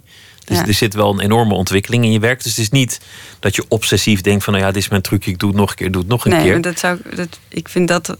Maar de grote oversteek naar de mens, het is je onnoemelijk vaak gevraagd. Ja. Wanneer ga je nou eens mensen portretteren? Die doe nou, je niet. ik moet zeggen, ik was in, Jap- in Japan, dus op die eilanden. En dat was op een of andere manier. eh, ik was daar samen met de art director van Harper's eh, Magazine en, eh, en onze Japanse assistent. En wij kwamen tot de conclusie dat we eigenlijk op elk eiland. dat er zo'n van die, een hele sterke vrouw aanwezig was rondom die paarden. Hele mooie, sterke vrouw. En dat, het eigenlijk natuurlijk pas op de terugweg dat ik dacht van. Ah, dat- had ik dus. Want ik fotografeerde ook met 4 bij 5 nu. Dat had, die had ik natuurlijk gewoon moeten fotograferen bij 4, met 4 bij 5 Of, of gewoon met mijn met middenformaat camera. Maar ik had ze in ieder geval moeten fotograferen. En dat was eigenlijk de eerste keer dat ik dacht. Ik had het gewoon moeten doen. Ik had het misschien niet gebruikt, maar ik had het wel moeten doen. Omdat ik dacht, dat, was, dat maakte dus wel een diepe indruk op mij. En eh, dus als ik nu terug ga, denk ik dat ik dat wel ga doen. Maar ik weet niet of ik daar dan iets mee doe. Maar ik dacht, ik moet het wel proberen. En net, net met filmen, dat is natuurlijk. eh, ehm, ja, da, daarin, dat is echt wel een onontgonnen gebied of zo. Ik ben, ik, en ik film ook. films zijn zonder geluid en zijn 12 minuten lang. En dan heb ik dan twee films gemaakt die eigenlijk vrij stil zijn. En uh, een over slapende paarden en paarden, de wilde paarden die een beetje zo staan te staan. En, maar de film die nu in de pont te zien uh, zal zijn, dat is dus eigenlijk de eerste film waar echt veel beweging in zit. Want, die heb ik nog net niet gezien, want die was nee, er vanmiddag Nee, die was niet. er dus nog niet. Maar ik dacht, omdat we het net over die dynamiek en beweging hadden. Dit is dus inderdaad, en omdat ik ook zelf zei, ik fotografeer eigenlijk die paarden altijd. Als ze juist niet aan het werk zijn, in die film zijn ze dus wel aan het werk. En zo van. Want dat is eigenlijk ook wonderlijk, want bij, bij Delacroix en, en de romantische schilders was het eigenlijk zo dat ze, dat ze heel veel wilden vertellen in één doek. Alle gebeurtenissen van de grote revolutionaire dag. Het gevoel van die ene dag. Ja, je kon niet een film maken, bewegend beeld bestond niet. Je wilde ook geen zes schilderijen maken, want dan was je helemaal vijf jaar bezig. Dus, Ja. die, dus die probeerde echt dat moment te vatten in een, in een doek. Dat probeer jij ook met je, met je foto's. Een, een, een moment vangen, een verhaal vangen, een emotie vangen. Maar bij film, waar je juist dat soort dingen heel erg kunt doen door gewoon iets te vertellen of door, door een narratief te maken, probeer je het juist weer niet. Dan wil je eigenlijk een beetje weg van wat film allemaal kan. Ja, nee, ik denk dat, dat die film over die werkpaarden nu, het gaat ook heel erg over het fysieke. Dus echt ook eh, eh, over die lijf en dat trekken en dat opeens. Ik vind het ook belangrijk, bijvoorbeeld, ik vind eh, mijn werk komt eigenlijk het beste tot zijn recht. Op het moment dat het, eh, dat het twee eh, onderwerpen of twee series naast elkaar te zien zijn. Omdat anders kun je ook blijven hangen op van, oh, het is een serie over paarden in Japan. Of oh, het, gaat over wilde paarden. Ehm, maar het moment dat je dit geconfronteerd dat heb jij dan he- helaas nu nog niet gezien. Maar het moment dat je opeens geconfronteerd wordt met eh, eigenlijk hetzelfde onderwerp, maar in een andere context. En misschien ook met een andere benadering. Dus film ten, ten opzichte van eh, stilstaand beeld. Dan ga je als, als toeschouwer eh, hopelijk, dus vind ik, ook meer nadenken over de benadering. En daar gaat het eigenlijk natuurlijk meer over. Over de benadering en de context van, van het onderwerp. En over, over het beest zelf, over, over de kracht. Wat doet een romanticus in de Verenigde Staten? Geen slecht woord over de Verenigde Staten, prachtig. New York, fantastisch. Maar als je zegt, ja, ik wil eigenlijk soms wel weg van de mensen. Ik wend mij tot de dieren. Ik zoek mijn toevlucht soms in de natuur, omdat het weg is van de ratio. Voel je daar op je plek? Ja, ja, nou, ik moet zeggen, we, zi- we zitten nu eigenlijk alweer een tijdje in Nederland. Oh, oké. maar eh, ja, ik heb daar natuurlijk heel veel gewerkt. Ik heb heel veel gewerkt eh, in Amerika. En ik had steeds een Amerikaans onderwerp. En daar kwam dan weer een ander Amerikaans onderwerp uit voort. En mijn man komt uit New York. Dus wij, het was voor ons heel logisch om daar dan te zitten. En mijn dochter ging daar naar school. En dan, eh, en dan kwamen we weer naar Nederland. En dan gingen we daar weer lang naartoe. Dus dat was heel. Maar ja, nu, het is altijd een beetje van waar mijn onderwerp eh, zich bevindt, daar ga ik dan een beetje naartoe. Dus eh, nu, nu ga ik steeds naar Japan. En dat is dan, ja, dat is ook makkelijker vanuit Amsterdam. En, en nu zit mijn dochter hier in Amsterdam op school. En die is inmiddels bijna zes. En die heeft het eh, naar haar zin. Dus dan is er zo opeens minder eh, ehm, reden voor ons om in New York te zitten.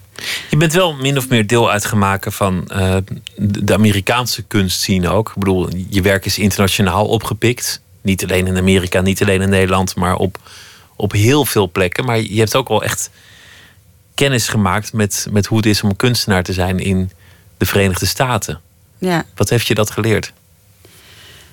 Eh, ja, nou, ik, ik moet wel zeggen, het is heel fijn om buiten Nederland ook eh, eh, eh, nou, enige bekendheid te hebben. Of in ieder geval te kunnen werken. Hè, dat, of dat mensen, om daar tentoonstellingen te maken. En, ik, ik vind dat heel fijn om bijvoorbeeld als de New York Times iets van je, van je publiceert. Of, dat, het is natuurlijk een veel groter bereik wat je hebt.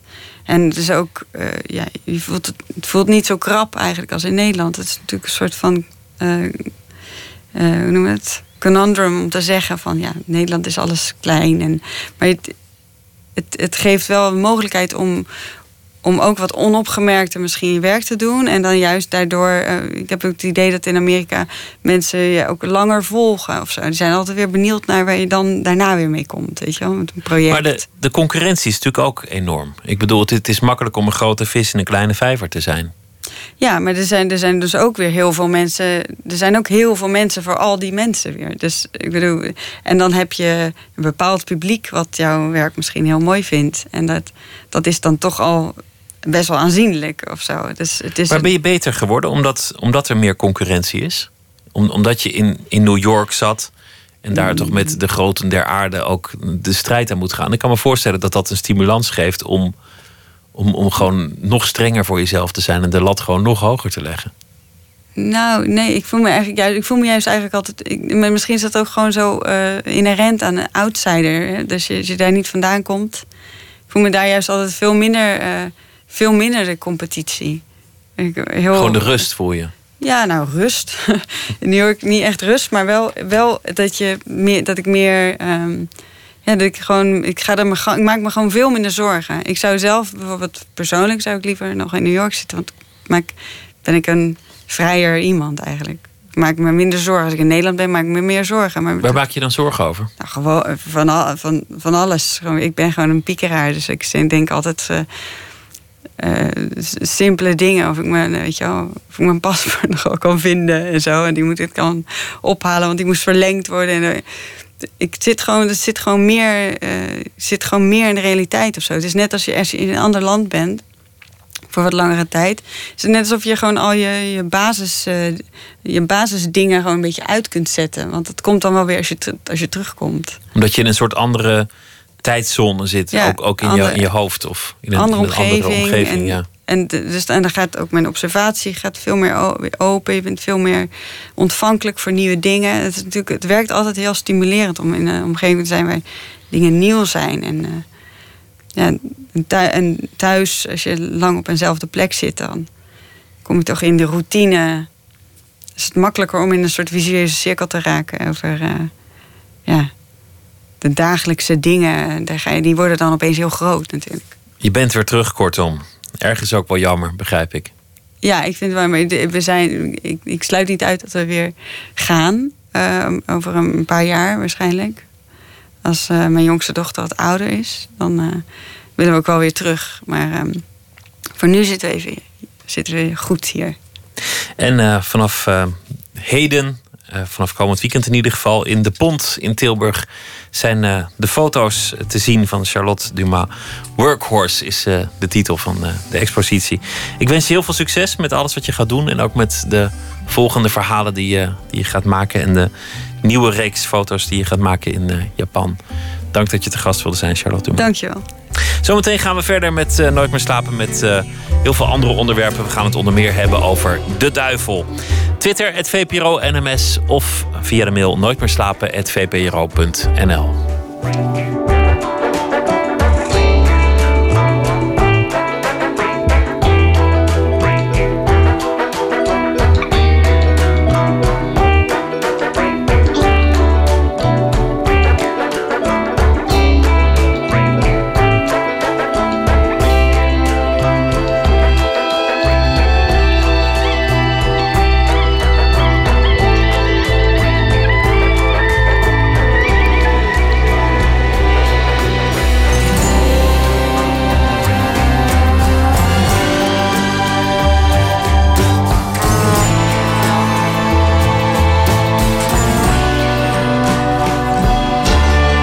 Radio 1. Het nieuws van alle kanten.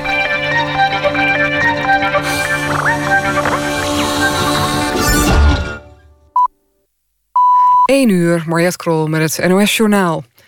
De Europese Unie maakt 400 miljoen euro extra vrij... om het vluchtelingenprobleem aan te pakken. Het meeste geld, 300 miljoen, wordt besteed aan de opvang van Syrische vluchtelingen... in Turkije, Libanon en Jordanië. Dat is een van de besluiten die de Europese bewindslieden... voor asielzaken in Luxemburg hebben genomen. In totaal wil de EU de aanpak van de migratieproblemen... in de landen rondom Syrië steunen met ruim een miljard euro. Ook is besloten dat er een eensgezind Europees beleid moet komen... voor migranten die geen verblijfsvergunning krijgen. De Balkanlanden, waaronder Macedonië en Servië... hebben toegezegd dat ze hun grenzen beter in de gaten gaan houden. De politie heeft een agent van de Nationale Recherche opgepakt... die op grote schaal geheime opsporingsinformatie zou hebben verkocht aan criminelen. Dat meldt NRC. Het zou een zeer ervaren agent zijn die toegang had tot de dossiers van alle grote landelijke rechercheonderzoeken. Hij zou de informatie hebben doorgespeeld aan drugsorganisaties en criminele motorbendes. De aanhouding was al tien dagen geleden, maar is bewust stilgehouden omdat de zaak gevoelig ligt, schrijft NRC. Binnen politie en justitie zou worden gesproken van het grootste schandaal sinds de IRT-affaire begin jaren 90. Justitie heeft de afgelopen 2,5 jaar 117 verdachte leden van motorclubs voor de rechter gebracht. Van hen zijn er zes vrijgesproken. Dat staat in een brief van minister Van der Steur over de aanpak van criminele motorclubs. De meeste veroordeelden kregen een celstraf van een jaar of langer, bijvoorbeeld voor geweld, drugshandel of witwaspraktijken. In 2012 besloot justitie motorclubs harder aan te pakken. De minister is tevreden over het resultaat. Het weer op de meeste plaatsen droog. De komende dag opnieuw veel bewolking, af en toe nog wat regen. Het wordt ongeveer 15 graden. In het weekend wordt het frisser. Dit was het NOS Journaal. NPO Radio 1. VPRO. Nooit meer slapen.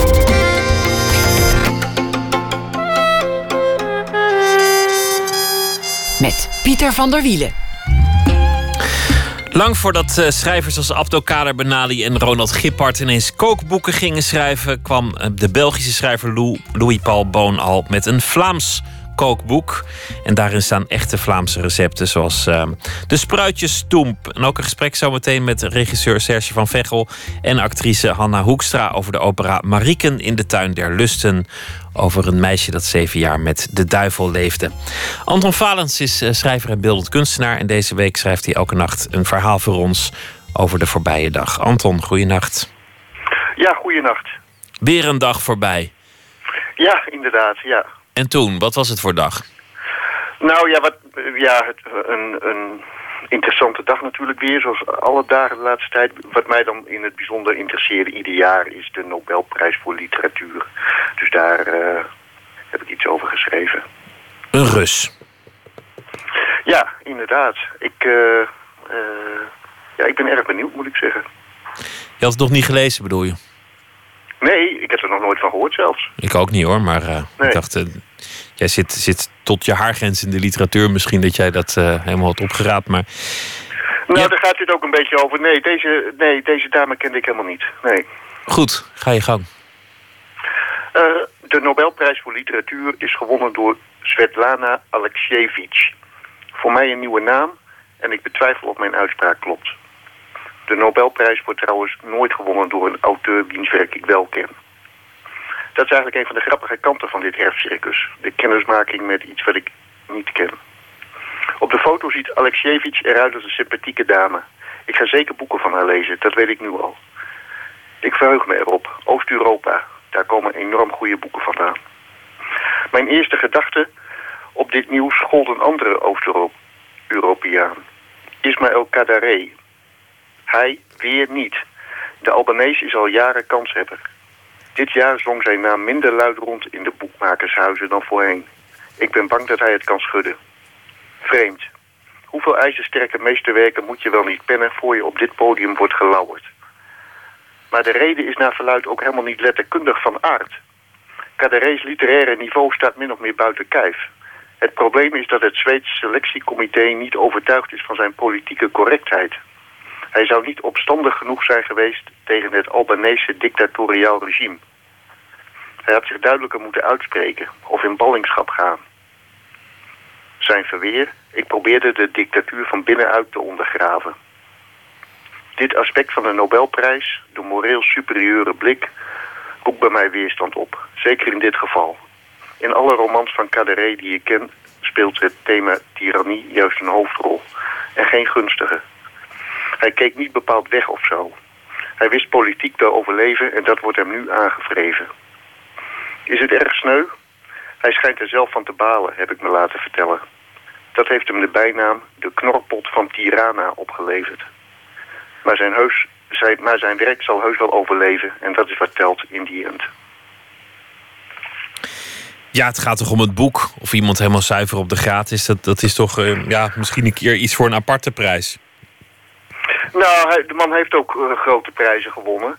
Uh, ik ken het dossier persoonlijk niet goed, het politieke dossier niet goed genoeg om het helemaal over te kunnen beoordelen. Maar uh, het is volgens mij, ja, nou ja, voor zover ik kan beoordelen, is het ook geen collaborateur of zo. Het is iemand die er heel sluw, ja, zich maar staande te houden in dat. Ergens ook een, een, merkwaardige definitie, want er zijn toch ook hele grote schrijvers, Céline, die, die misschien toch niet een wonder van politieke correctheid waren, maar wel prachtige boeken schreven. Ja, klopt. Maar ja, Celine bijvoorbeeld was ook, uh, heb ik altijd begrepen tot aan zijn dood, erg verbolgen dat hij niet de Nobel Nobelprijs had gekregen voor zijn eerste boek. Uh, dus uh, hij was ervan overtuigd dat dat ook het geval was, omdat hij dus niet politiek correct schreef. En koop jij altijd meteen een boek van, van de winnaar als je, als je hem niet kent? Dat je, dat je denkt, nou, hij heeft de Nobelprijs gewonnen, nu moet ik het lezen Nou, de laatste jaren moet ik zeggen, ja, ik vind het dus, zoals ik het dan net ook zei, ik vind het altijd eigenlijk, vorig jaar ook, Modiano. Ik had die naam wel eens gehoord. Uh, maar ja, ik, ik ga dan tweedehands kijken meestal. En uh, ja, het bleek echt een vondst, vond ik, voor mij dan. En dat heb ik al een paar keer gehad. Dus uh, ja, ook ditmaal ben ik weer erg benieuwd. Modiano kende ik al, vond ik prachtig. En een jaar daarvoor, of het jaar daarvoor, toen, toen had ik een enorm dik boek gekocht van die Chinees, Mo Yen. En uh, dat ligt nog steeds op tafel. Met, met nu wat koffiekringen erbij, maar ik heb het nog steeds niet gelezen. Dat boek kijkt me schuldig aan. Moet ik toch maar eens lezen. Ja. dan, dan is dat zo enthousiast. En denk je, oh nou ja, hij heeft gewonnen. Ik koop hem, ligt stapels dik in de winkel. En dan is het weer zo'n boek dat je niet leest en vermoedelijk ook nooit gaat lezen. Moet je ook mee oppassen. Ja, daar moet je zeker mee oppassen, ja. ja ik, uh, dat klopt. Ik moet zeggen, eh, die schrijver, uh, die heb ik niet gelezen. Dat is eentje die ik weer gemist heb. Er ik is zoveel het, te lezen. Ja. Zou je het boek maar opsturen, want het komt er vast niet meer van. nou, graag, ja. Anton, dank je wel voor je verhalen. Morgen weer een verhaal. En voor nu een hele goede nacht. Ja, hetzelfde. Oké, bedankt. Dag. Het is al een tijdje stil rond de Deense band Sebia. Het vorige album is alweer van een paar jaar terug, maar daarna hebben ze voornamelijk getoerd. Tijd dus voor vers repertoire. Dat komt ook. Een nieuw album, No Sound from the Outside. En daarvan draaien we dit nummer met de titel Down.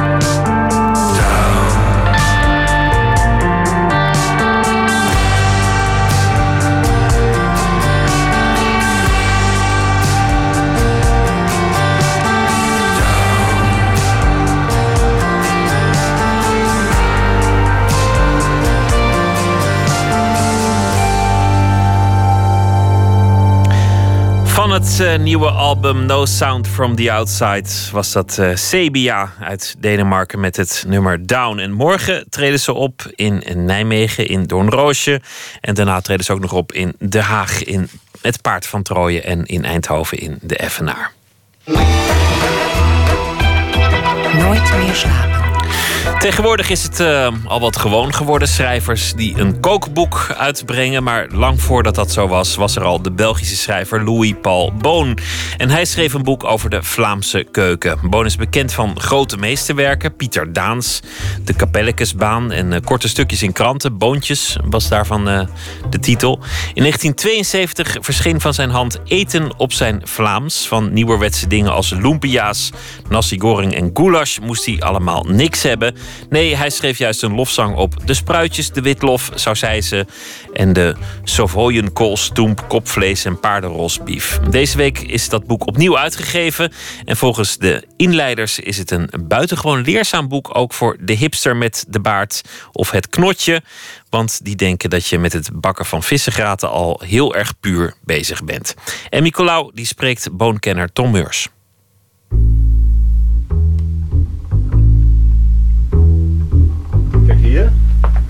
Boomboeken liggen overal, door mijn hele huis heen, dat moet ik eerlijk zeggen. Ja, 1,20 meter of zo. En hier staat dan nog, uh, ja, hier, dit, is, dit is eigenlijk allemaal boon. Twee planken. Hieronder zit ook nog veel boon tussen. En dit is dus het boekje wat ik zelf over boon heb geschreven. Tijdschriften van boon liggen hier. Dus dit. Ja, en het kookboek? Dat, uh... Ja, dat heb ik dit op tafel gelegd. Oh ja ik denk dat misschien ik er nog wel een versie van heb, maar dat weet ik niet zeker of niet kunnen vinden. Ja, want het is nu een heruitgave. Ja, dus hier is de oude. Die is wel mooi van kaf, vind ik. Dit is 1972. Ja, en in de nieuwe versie staan recepten. In deze niet, hè? Nee, hier staan geen recepten in. Maar hij beschrijft eigenlijk dus wat je moet doen. Hè? Dus eigenlijk zijn dat de recepten wat hij doet.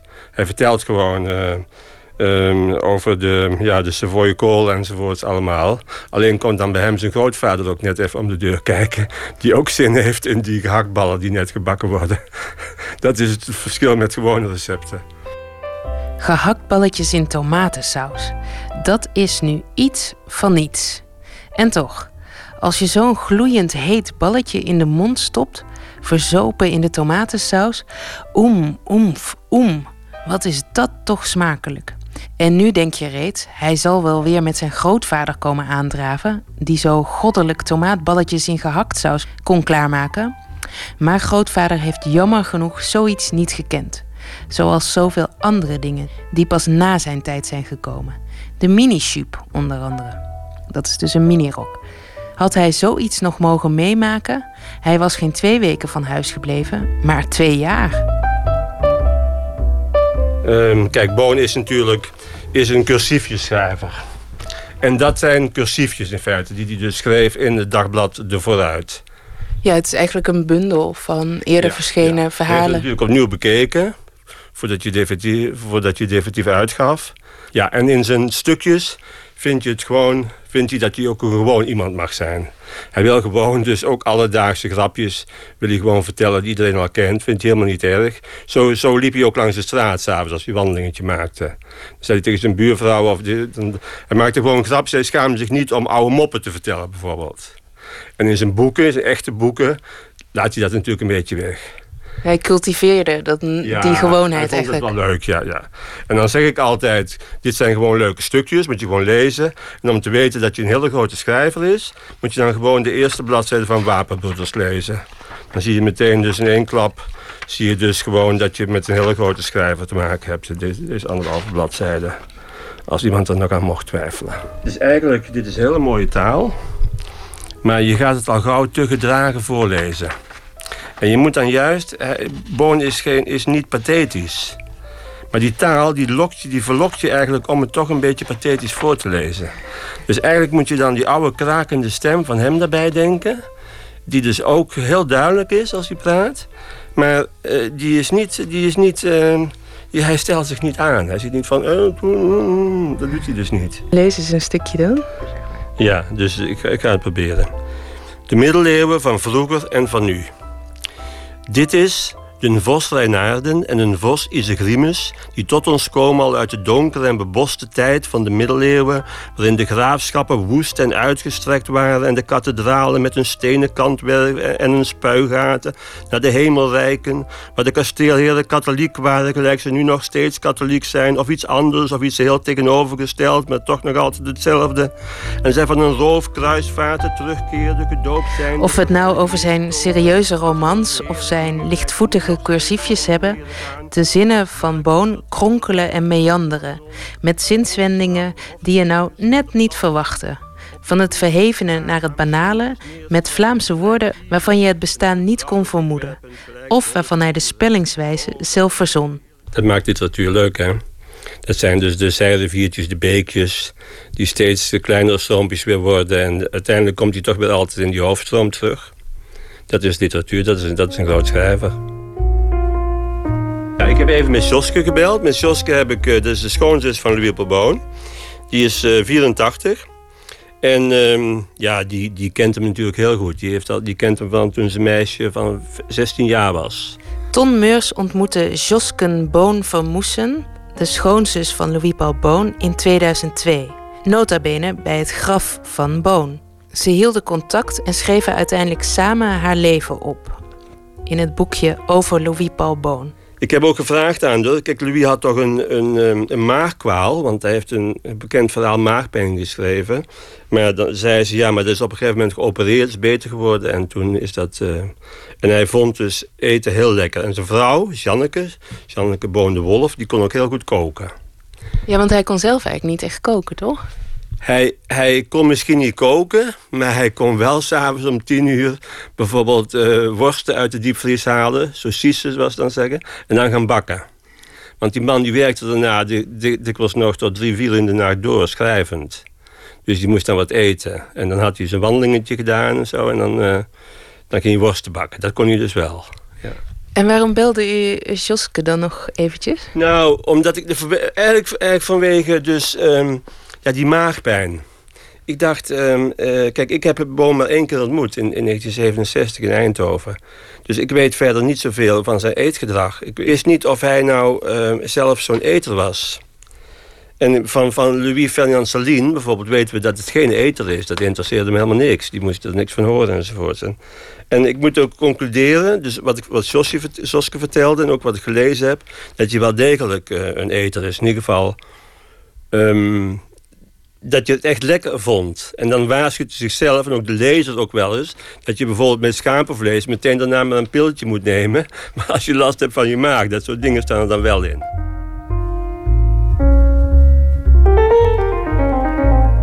Of neem nu gewoon aardappels in de schil. Niet te grote, gewoon gewassen en zo gekookt. Hoe plezierig en hoe schilderachtig is het niet ze op deze wijze op tafel te krijgen ze daarvan de schil te mogen ontdoen? Hé, hey, verdomme, wat zijn die nog heet? Om ze dan te verorberen met gebraden haring of gebakken sprotjes. Maar hierover moet ik nog wat nabomen, verder in het boek. Kijk, het is um, twee dingen ouderwets, omdat hij dus inderdaad zo uh, het huisvrouwtje toespreekt. Dus het is heel ouderwets. Hè. Dat zijn wat mensen, sommige mensen zullen kwaad om worden. Uh, als ze hem echt zouden kennen, zouden ze misschien niet kwaad worden. Maar op papier wel, want uh, dat zou kunnen. En het is natuurlijk niet, het, uh, het is niet de zandloper, zou ik maar zeggen. De, de, het moderne voedsel... Uh, nee, er moet af en toe een heel pakje roomboter in een stampot. Een pakje ja, inderdaad, dat moet er dus in. En ergens is het ook juist heel modern. Want het is, hij heeft het ook over vergeten groenten en allerlei boerenproducten. En het moet allemaal puur en het moet allemaal echt eten zijn. Hij keert zich hier tegen dus de mode die volgens hem dan net ontstaat om, uh, om allemaal buitenlands eten. Dus de borst, borst of hoe heet dat, Russisch of zo. Uh, goulash en zo en, en, en Chinees en dat... dat, uh, dat dat, vindt hij allemaal maar niks. Hij, hij, hij, zegt gewoon, op een gegeven moment zegt hij ook van... In feite, als ze dus ons Vlaamse stoofvlees zouden kennen... dan zouden de Hongaren helemaal geen goulash eten, weet je wel. Zo dat soort dingen vindt hij, vindt hij wel leuk om te, om te zeggen, ja. De Vlaamse puree die we vroeger maakten, die moest heel slap zijn, bijna dikke pap. Tatjespap noemde men het. Weet je nog hoe tatjespap werd vervaardigd? Je krijgt van mij onmiddellijk een briefje van 100 als je het me zeggen kunt. Wel nu, Je neemt, laat ons zeggen, 2 kilo aardappelen, laat ze koken, giet ze af en steek ze door. Kijk, als hij Eet op zijn Vlaams publiceert, dan heeft hij het jaar daarvoor heeft hij, uh, Pieter Daans gepubliceerd. Heeft hij enorm succes mee gehad. Uh, maar ook een succes wat hem dwars zat. Want hij werd opeens, hij was heel zijn leven kritisch geweest, met name tegenover de kerk.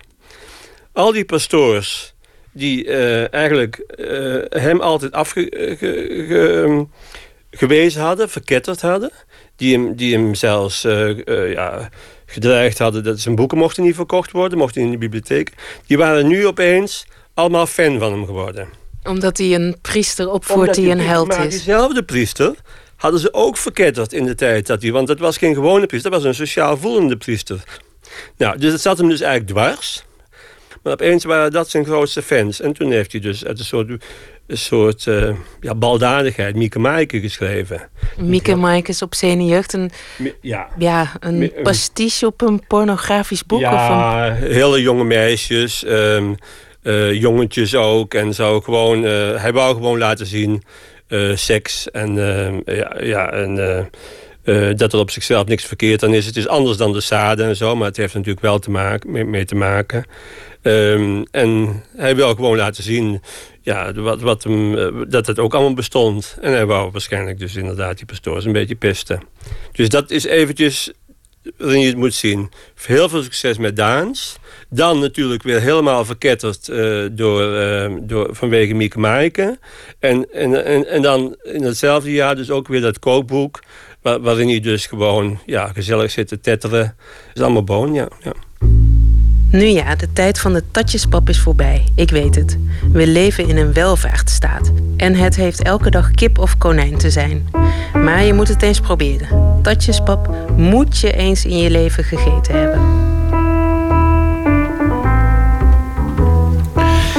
Uit het boek Eten op zijn Vlaams van Louis Paul Boon verschenen bij de Arbeiderspers. En het was Emmy Colau in gesprek met Ton Meurs. Hij schreef samen met Joske Boon een boek over Louis Paul Boon. Een nummer dat heel vaak voorkomt in uh, films. Bijvoorbeeld uh, aan het eind van de Canadese film Tom à la ferme van vorig jaar. Is uh, dit nummer van Rufus Wainwright, Going to a Town.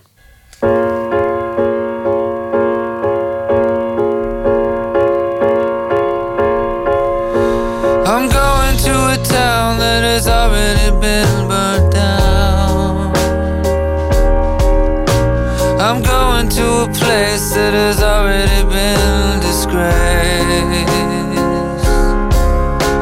I'm gonna see some folks who have already been let down. I'm so tired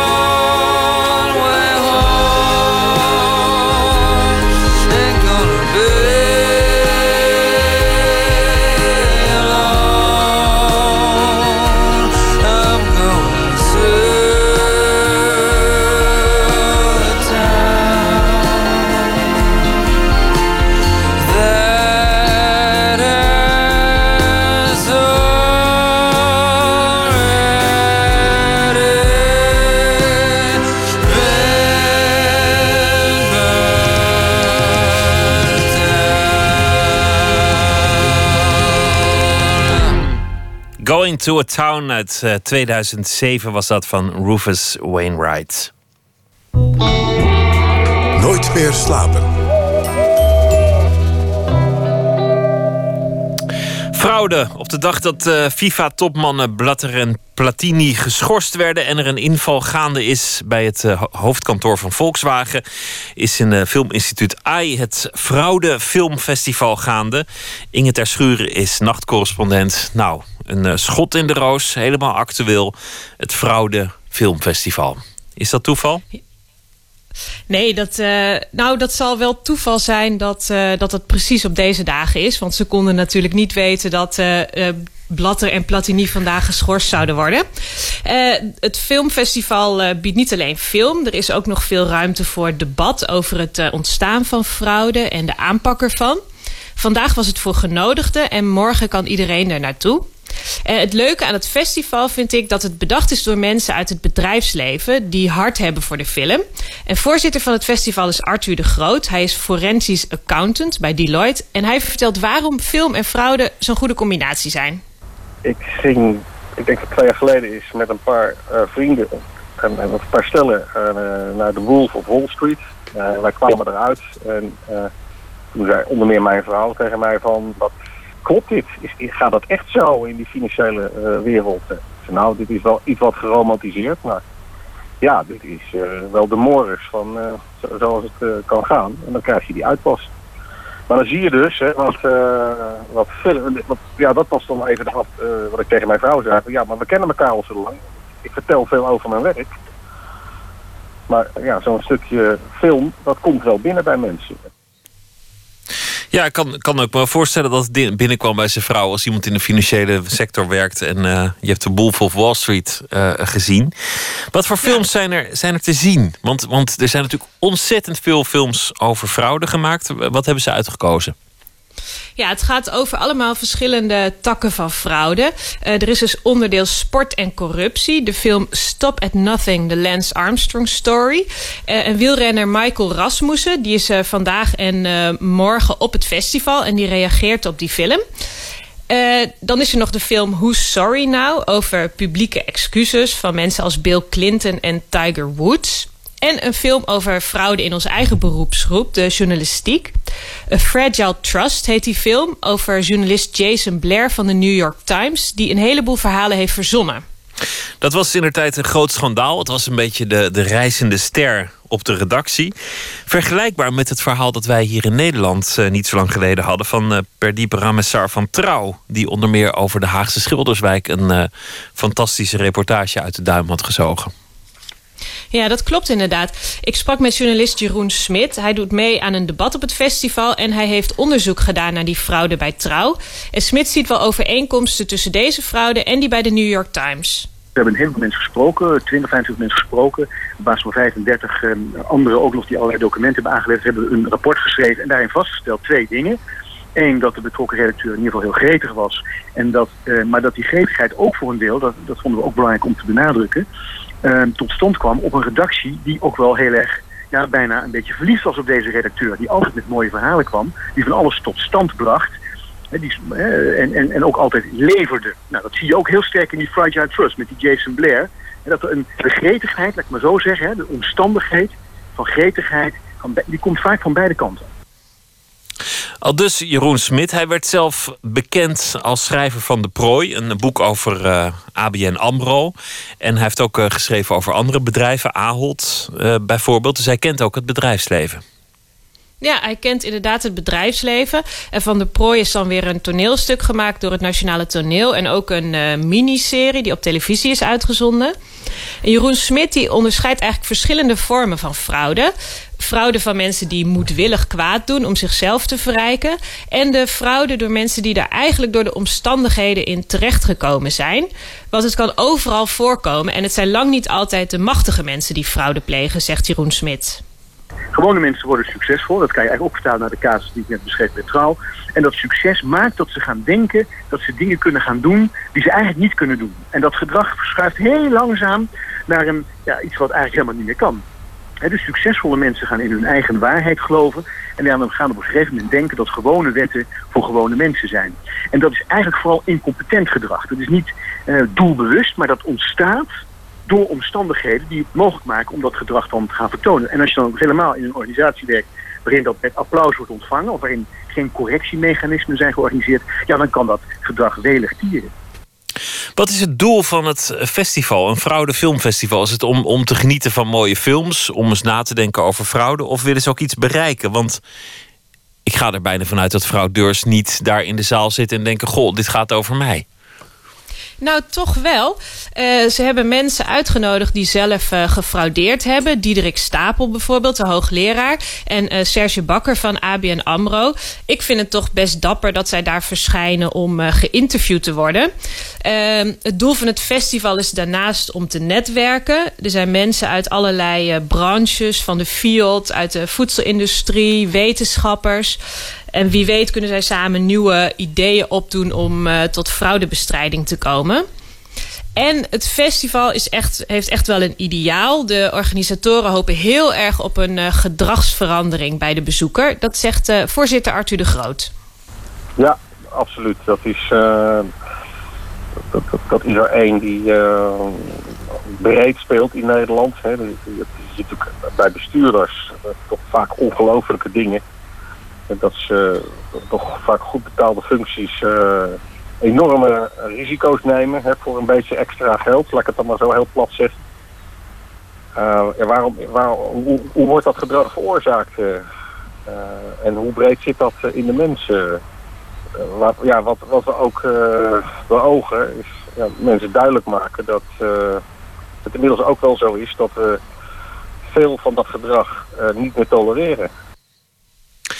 Ja, zit het in de mens, vraagt Arthur de Groot zich af. Lijkt me wel, toch? Frauderen zit uiteraard gewoon in de mens. Net als uh, liegen, vreemd gaan en uh, noem nog zomaar wat dingen. Ja, dat dacht ik ook. Liegen en bedriegen zit in de mens. Want je wilt toch het beste voor jezelf. En als het een beetje mee zit, ook nog voor de mensen om je heen met dat liegen. Misschien een beetje een negatief mensbeeld. Ik heb even gebeld met filosoof Stine Jensen. Uh, zij maakte het boek en gelijknamig televisieprogramma Ik lieg, dus ik ben. En zij ziet het toch een beetje anders. Nou, eigenlijk grappig genoeg, als we opgroeien, als we klein zijn... dan, dan vertellen we meestal vaak juist de waarheid. Dan, dan zeggen we bijvoorbeeld, flappen we eruit van... oh, wat is die meneer, dik, of, of zoiets. En dan worden we daar juist op afgestraft. Dus dan, dan leren we eigenlijk langzaam liegen. Onze ouders brengen ons dat eigenlijk bij, zou je kunnen zeggen. Want dat mag je niet hardop zeggen. Dus in principe zijn we juist hele waarheidssprekende wezens. Als, als, we, als, we, als we klein zijn tenminste. En, en daarna worden we steeds meer, ja, allemaal wel wat, wat leugenachtiger. We worden getraind om leugenachtig te zijn. Volwassenheid, beschaving, onze samenleving is gebaseerd op de leugen. Best somber eigenlijk. Ja, Sine Jensen was ook wel een beetje somber. We horen zoveel fraudeverhalen, zegt ze. Nou ja, bijvoorbeeld het uh, voetbal en bij Volkswagen, wat je net al even noemde. En dan is het best moeilijk om optimistisch uh, naar de mens te blijven kijken. En nu wordt de kans dat je gesnapt wordt als fraudeur wel steeds groter. Door internet kun je bijvoorbeeld veel sneller zien of een bepaalde tekst gekopieerd is. En door social media wordt een fraudeur natuurlijk direct aan de schandpaal genageld. Volgens Tine Jensen is die grotere kans om gesnapt te worden wel een motivatie van mensen om niet meer te frauderen. Maar moet de belangrijkste reden om niet te frauderen toch uit jezelf komen? Ik denk met name de ontwikkeling van, van het geweten. Dus dat je, dat, je, dat je toch ook leert liegen is principieel fout, is niet in orde. Dus dat dat je wordt bijgebracht, dat, dat is heel belangrijk om je ervan te weerhouden. Er zijn zoveel beroepen waarin eigenlijk het professioneel net niet de waarheid vertellen... of retorisch heel behendig iets net niet zeggen, zo ontzettend gewoon is. Um, dus dat, dat maakt ook wel dat je heel erg... Ja, hier moeten we onszelf als samenleving ongelooflijk trainen. Dat we die waarheid wel uh, voorop uh, houden. Ja, we moeten trainen dus om uh, de waarheid te blijven vertellen. En wie weet kan het Fraude Filmfestival daar morgen nog een steentje aan bijdragen. Ja, er zijn ook kaartjes te winnen voor het uh, Fraude Filmfestival in AI in Amsterdam via de Facebookpagina van dit programma Nooit meer slapen. Het is ook maar goed dat er veel gefraudeerd wordt, want voor de film is het altijd uh, beter natuurlijk. Ik bedoel, als iedereen uh, zuiver op de graad, netjes en keurig in de boekhouding zat, zou Hollywood ook opdrogen op den duur. Ja, dan, dan krijgen we hele saaie films natuurlijk. Dus wat smeuigheid is voor de kunsten nooit weg. Dankjewel, Inge Ter Schuren en een goede nacht. Goeienacht. Het uh, New Yorkse multitalent Elliot Moss, multi-instrumentalist en zanger, heeft uh, twee jaar geleden een album gemaakt met de titel High Speeds. En zo heet het nummer ook.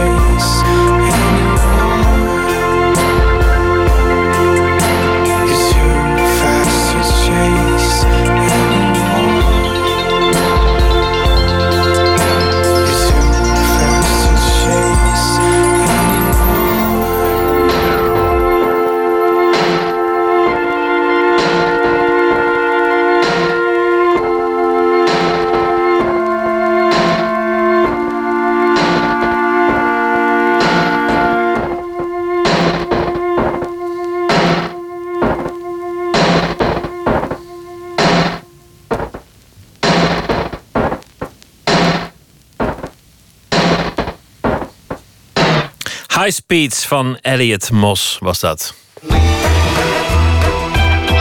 Nooit meer slapen.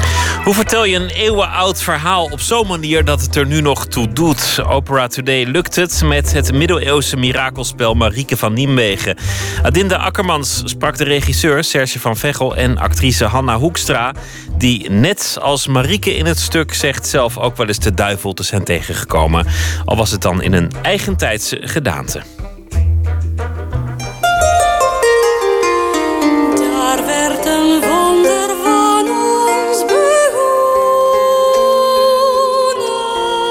Ere geschie hem allen die die konsten orboren. Tvi, don konstige die de konst van der hand plant. Te dier kozen stel ik de regel van voren. Door don konstige gaat die konsten verloren. Wat zeg je hier? Ja, wat zeg ik hier? dat door de onkundigen, zou je kunnen zeggen, of de onkunstigen, de kunst verloren gaat. En dat we de kunstenaars moeten eren. De opera Marieke in de Tuin der Lusten is gebaseerd op het bekende verhaal uit 1515. Een meisje in de buurt van Nijmegen wordt door haar tante op straat gezet. Ze is wanhopig en laat zich verleiden door de duivel, die haar belooft alle talen en de vrije kunsten te leren. Samen leven ze zeven jaar in de hel, tot ze berouw krijgt, terugkeert en vergeving zoekt. Hoofdrolspeelster Hanna Hoekstra speelt als actrice tussen de operazangers. Voor de rol van Marieke van Nimwegen leerde ze een nieuwe taal. Middelnederlands. Zoals Nederlanders dat spraken in de middeleeuwen.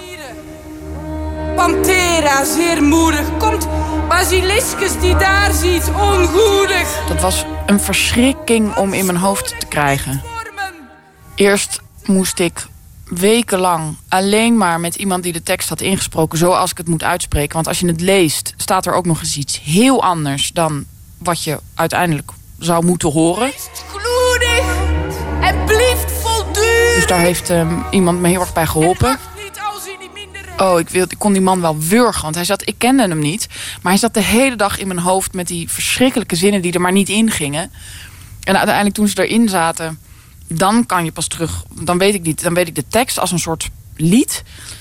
En dan ging ik met de tekst bij kijken, wat zeg ik eigenlijk? Wat bedoelt Marieke als ze dit zegt? Toen later kwam die betekenis er pas bij. En dan gaan de zinnen zich pas vormen naar betekenis. En dan werd Nico helemaal geen verschrikking meer, maar een held die mij heel goed kan helpen met hoe ik dingen uitspreek.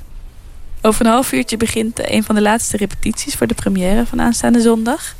Boven het podium hier in Schiedam wordt al een drie meter hoge houten hand omhoog gehezen. Het Asko Schoenberg ensemble is al aan het eh, stemmen in het orkestpak. Net liep er een geschminkte duivel voorbij in de coulissen. Ben jij al helemaal in de huid van Marieke gekropen op dit moment? Of ik me nu al heb ingeleefd? Nee hoor, nu is mijn eten gewoon nog een beetje aan het zakken en mijn pruik jeukt.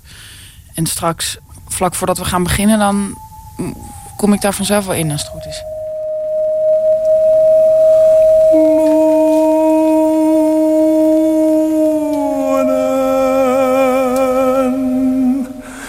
Met de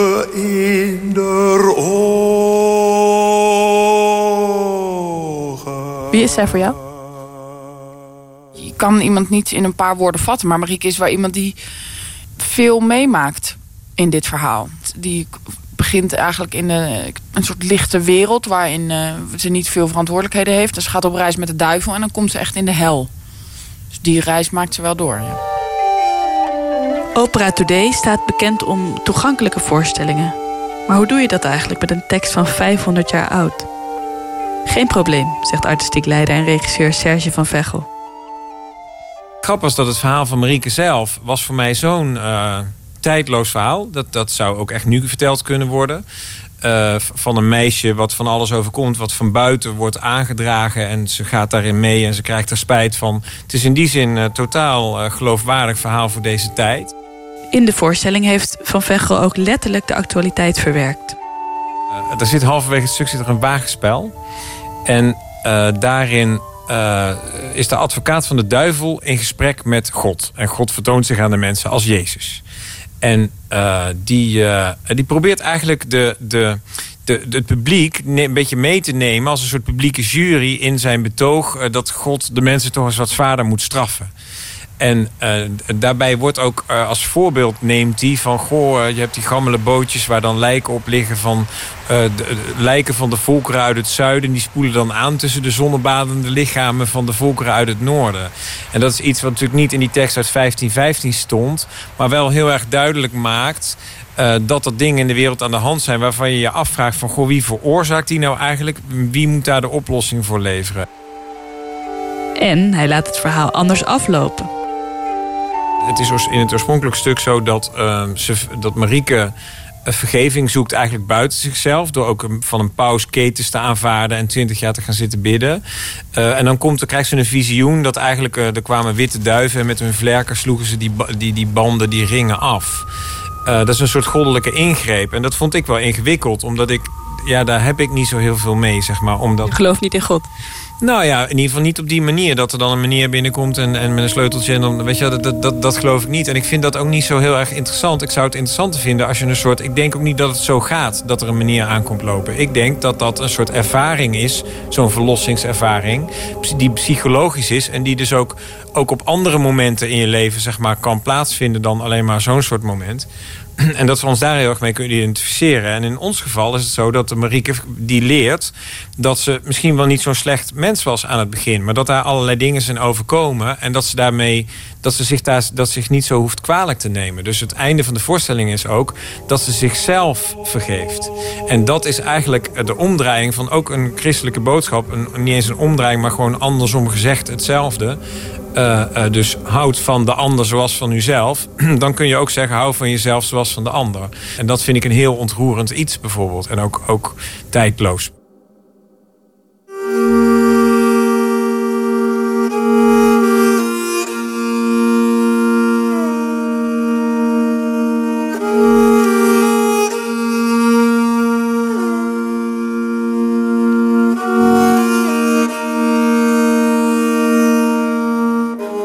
Terug naar de duivel. Want Marieke weet eigenlijk heel goed dat het de duivel is die haar verleidt. Maar toch gaat ze met hem mee. Waarom?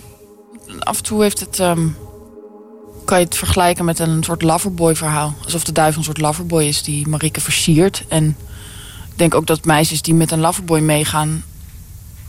kunnen soms best liefde voelen voor zo'n man of jongen. Of dat hij hele verkeerde dingen in de zin heeft. Dat is de nare kant van het verhaal. Behoorlijk naar.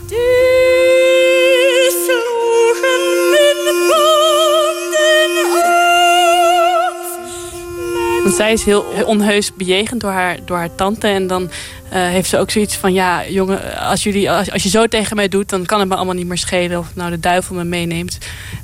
Dat gevoel, kan je je dat voorstellen? Ja, dat vind ik wel herkenbaar. Maar dat is eigenlijk inderdaad gewoon een gevoel van wanhoop. En de, ik denk dat omdat Marieke gelovig is... spreekt zij tot God en vraagt ze of God haar wil helpen. Dat herken ik zelf niet zo. Maar ik ken- herken wel een wanhoop dat je denkt... nou, ik ben nou zo diep gezakt. Eh, nu zou alles oké zijn, want ik, ik kan toch niet meer. Donkerder kan het toch niet meer. En dat, dat blijkt dus uiteindelijk niet waar te zijn. Want dan, dan komt ze de duivel tegen en belandt ze in de hel. Is er een moment in je leven dat je dan echt zo diep bent gegaan? Nee, dat zijn meer dingen die ik nu zou kunnen verzinnen. Is dat je bijvoorbeeld je oprecht, dat ik me oprecht voor elke première weer afvraag waarom ik dit vak in godsnaam doe. Want het is verschrikkelijk. Omdat je zo zenuwachtig bent dan. En uiteindelijk, als ik eenmaal begonnen ben, dan valt het weer van me af. Ik kan me nu niet iets voorstellen, nee. Ik, heb, ik heb ben nog niet met de duivel op reis geweest. Wie alle potten ploppen slechte zinnen die konsten zou stellen in uw verstand. Want rein konsten zal elk met rechte minnen. Konsten eerst gemaakt aan elke kant. Ik- heb een keer spacecake gegeten. Vervolgens dacht ik dat ik de belichaming was van het kwaad in de wereld. Dus toen was ik ervan overtuigd dat ik het nieuwe, zal maar zeggen, wetenschapswonder zou worden van A. dit is dus, zo komt al het kwaad in de wereld naar buiten. Dit is daar de, het levende bewijs van. Ik weet dat ik me toen echt verschrikkelijk voelde. Dat ik daarna ook geen spacecake meer gegeten heb. Ik voelde me totaal. Ik was het kwaad. Ik heb ook heel hard tegen de taxichauffeur geroepen dat hij nu de auto moest stoppen. Dat ik alles ging opbiechten aan de ME en de politie. Ze konden me in de boeien slaan, want ik, ik wist hoe erg het met me gesteld was. Je hebt de duivel ontmoet eigenlijk. Inderdaad, ik heb de duivel ontmoet. Toch, dus toch. Daar werd een wonder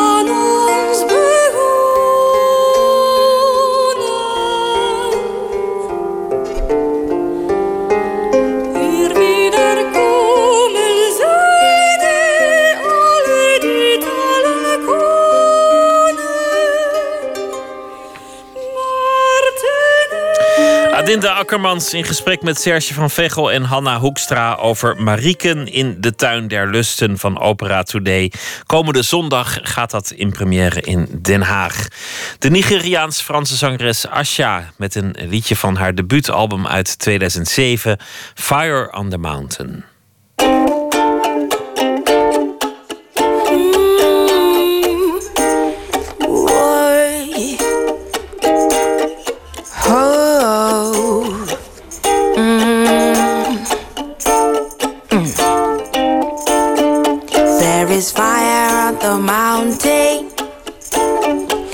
Nobody seems to be on the run.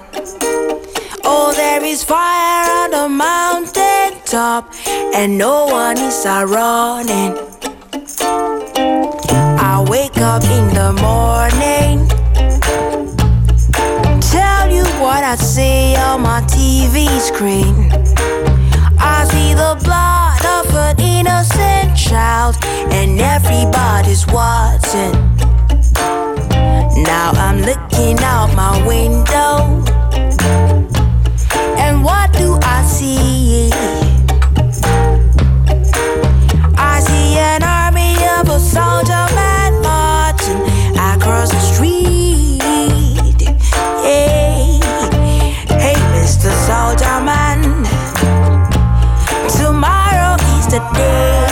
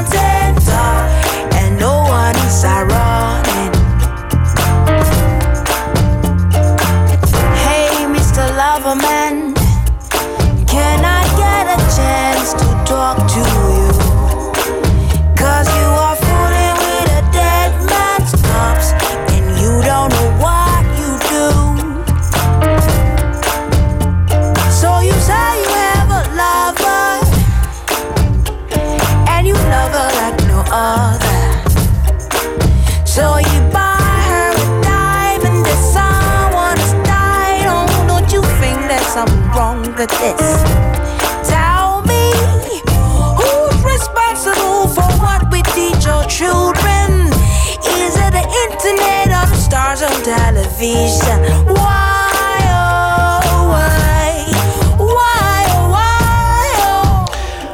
Asha, een Afrikaans-Franse zangeres met het nummer Fire on the Mountain.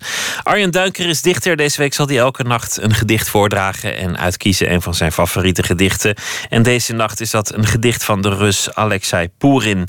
De titel is In de avond.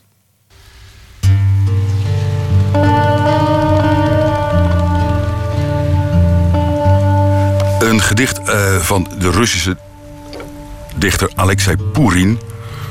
De bundel heet De Goudvink. Eh, wat ik zo aardig vind is dat er woorden in zitten waarvan ik de hele tijd denk: ken ik die woorden nou? Bestaan ze of bestaan ze niet? Het maakt het prettig en vrolijk om dit soort ding spul te lezen. Het gedicht heet In de avond. Steek maar een Herzegovina fleur op. Drink je cognac om je te warmen. Kijk naar het zwarteharige zwerk, sneeuwhopen achter Mika. Al bijna tot aan het dak. Allerlei zilvergehaltes. Aardewerk van elk merk. Ga je dan naar de slaapzaal, trek je schapenvacht aan. Voel je een beeldje worden, tinkend. Het vriest dat het kraakt. Lippen die smaken naar mint. Cilinders van adem slaan tegen de grond stuk, wat een geluid van scherven maakt. In de tv met zijn melkwit scherm een viskom met ijs. Kleumend en sidderend. Koortsdromen. Zweeds of Noors geijl. Hier vind je dus het Walhalla. Blauwogig, hitte, geheis. De kapitein Gordijtschik is strontzat. Geen enkel heil. Is het een wonder, zo'n rotzooitje onder zijn gezag? Tegen een muur breekt een fles, er wordt iemand opgejaagd. Opvoeden kan hij ze toch genoeg, de godganse dag? Is het misschien de monotonie van de drank die knaagt? Loop dan maar door naar het meer en naar de kapotte pomp en de verwarmingsketel. Adem de smerige damp. Niemand zal weglopen in deze vorst naar de zomp. Voel je gezond als een visje in een drabbige zwamp. In de avond, een gedicht van de Rus Alexei Pourin, uitgekozen door uh, Arjen Duinker. Morgen in Nooit meer slapen komt uh, de Vlaamse schrijver Roderick Six op bezoek. Hij is uh, ook literair journalist en columnist bij Knak. En zijn eerste bundel uit 2012, Vloed, won de bronzen uil voor het beste debuut in het Nederlandstalige gebied. Eh, nou ja, veel dingen over hem te zeggen, maar dat komt allemaal morgen wel. Estenomi Perkin die zit hier dan. En voor nu wens ik u een hele goede nacht.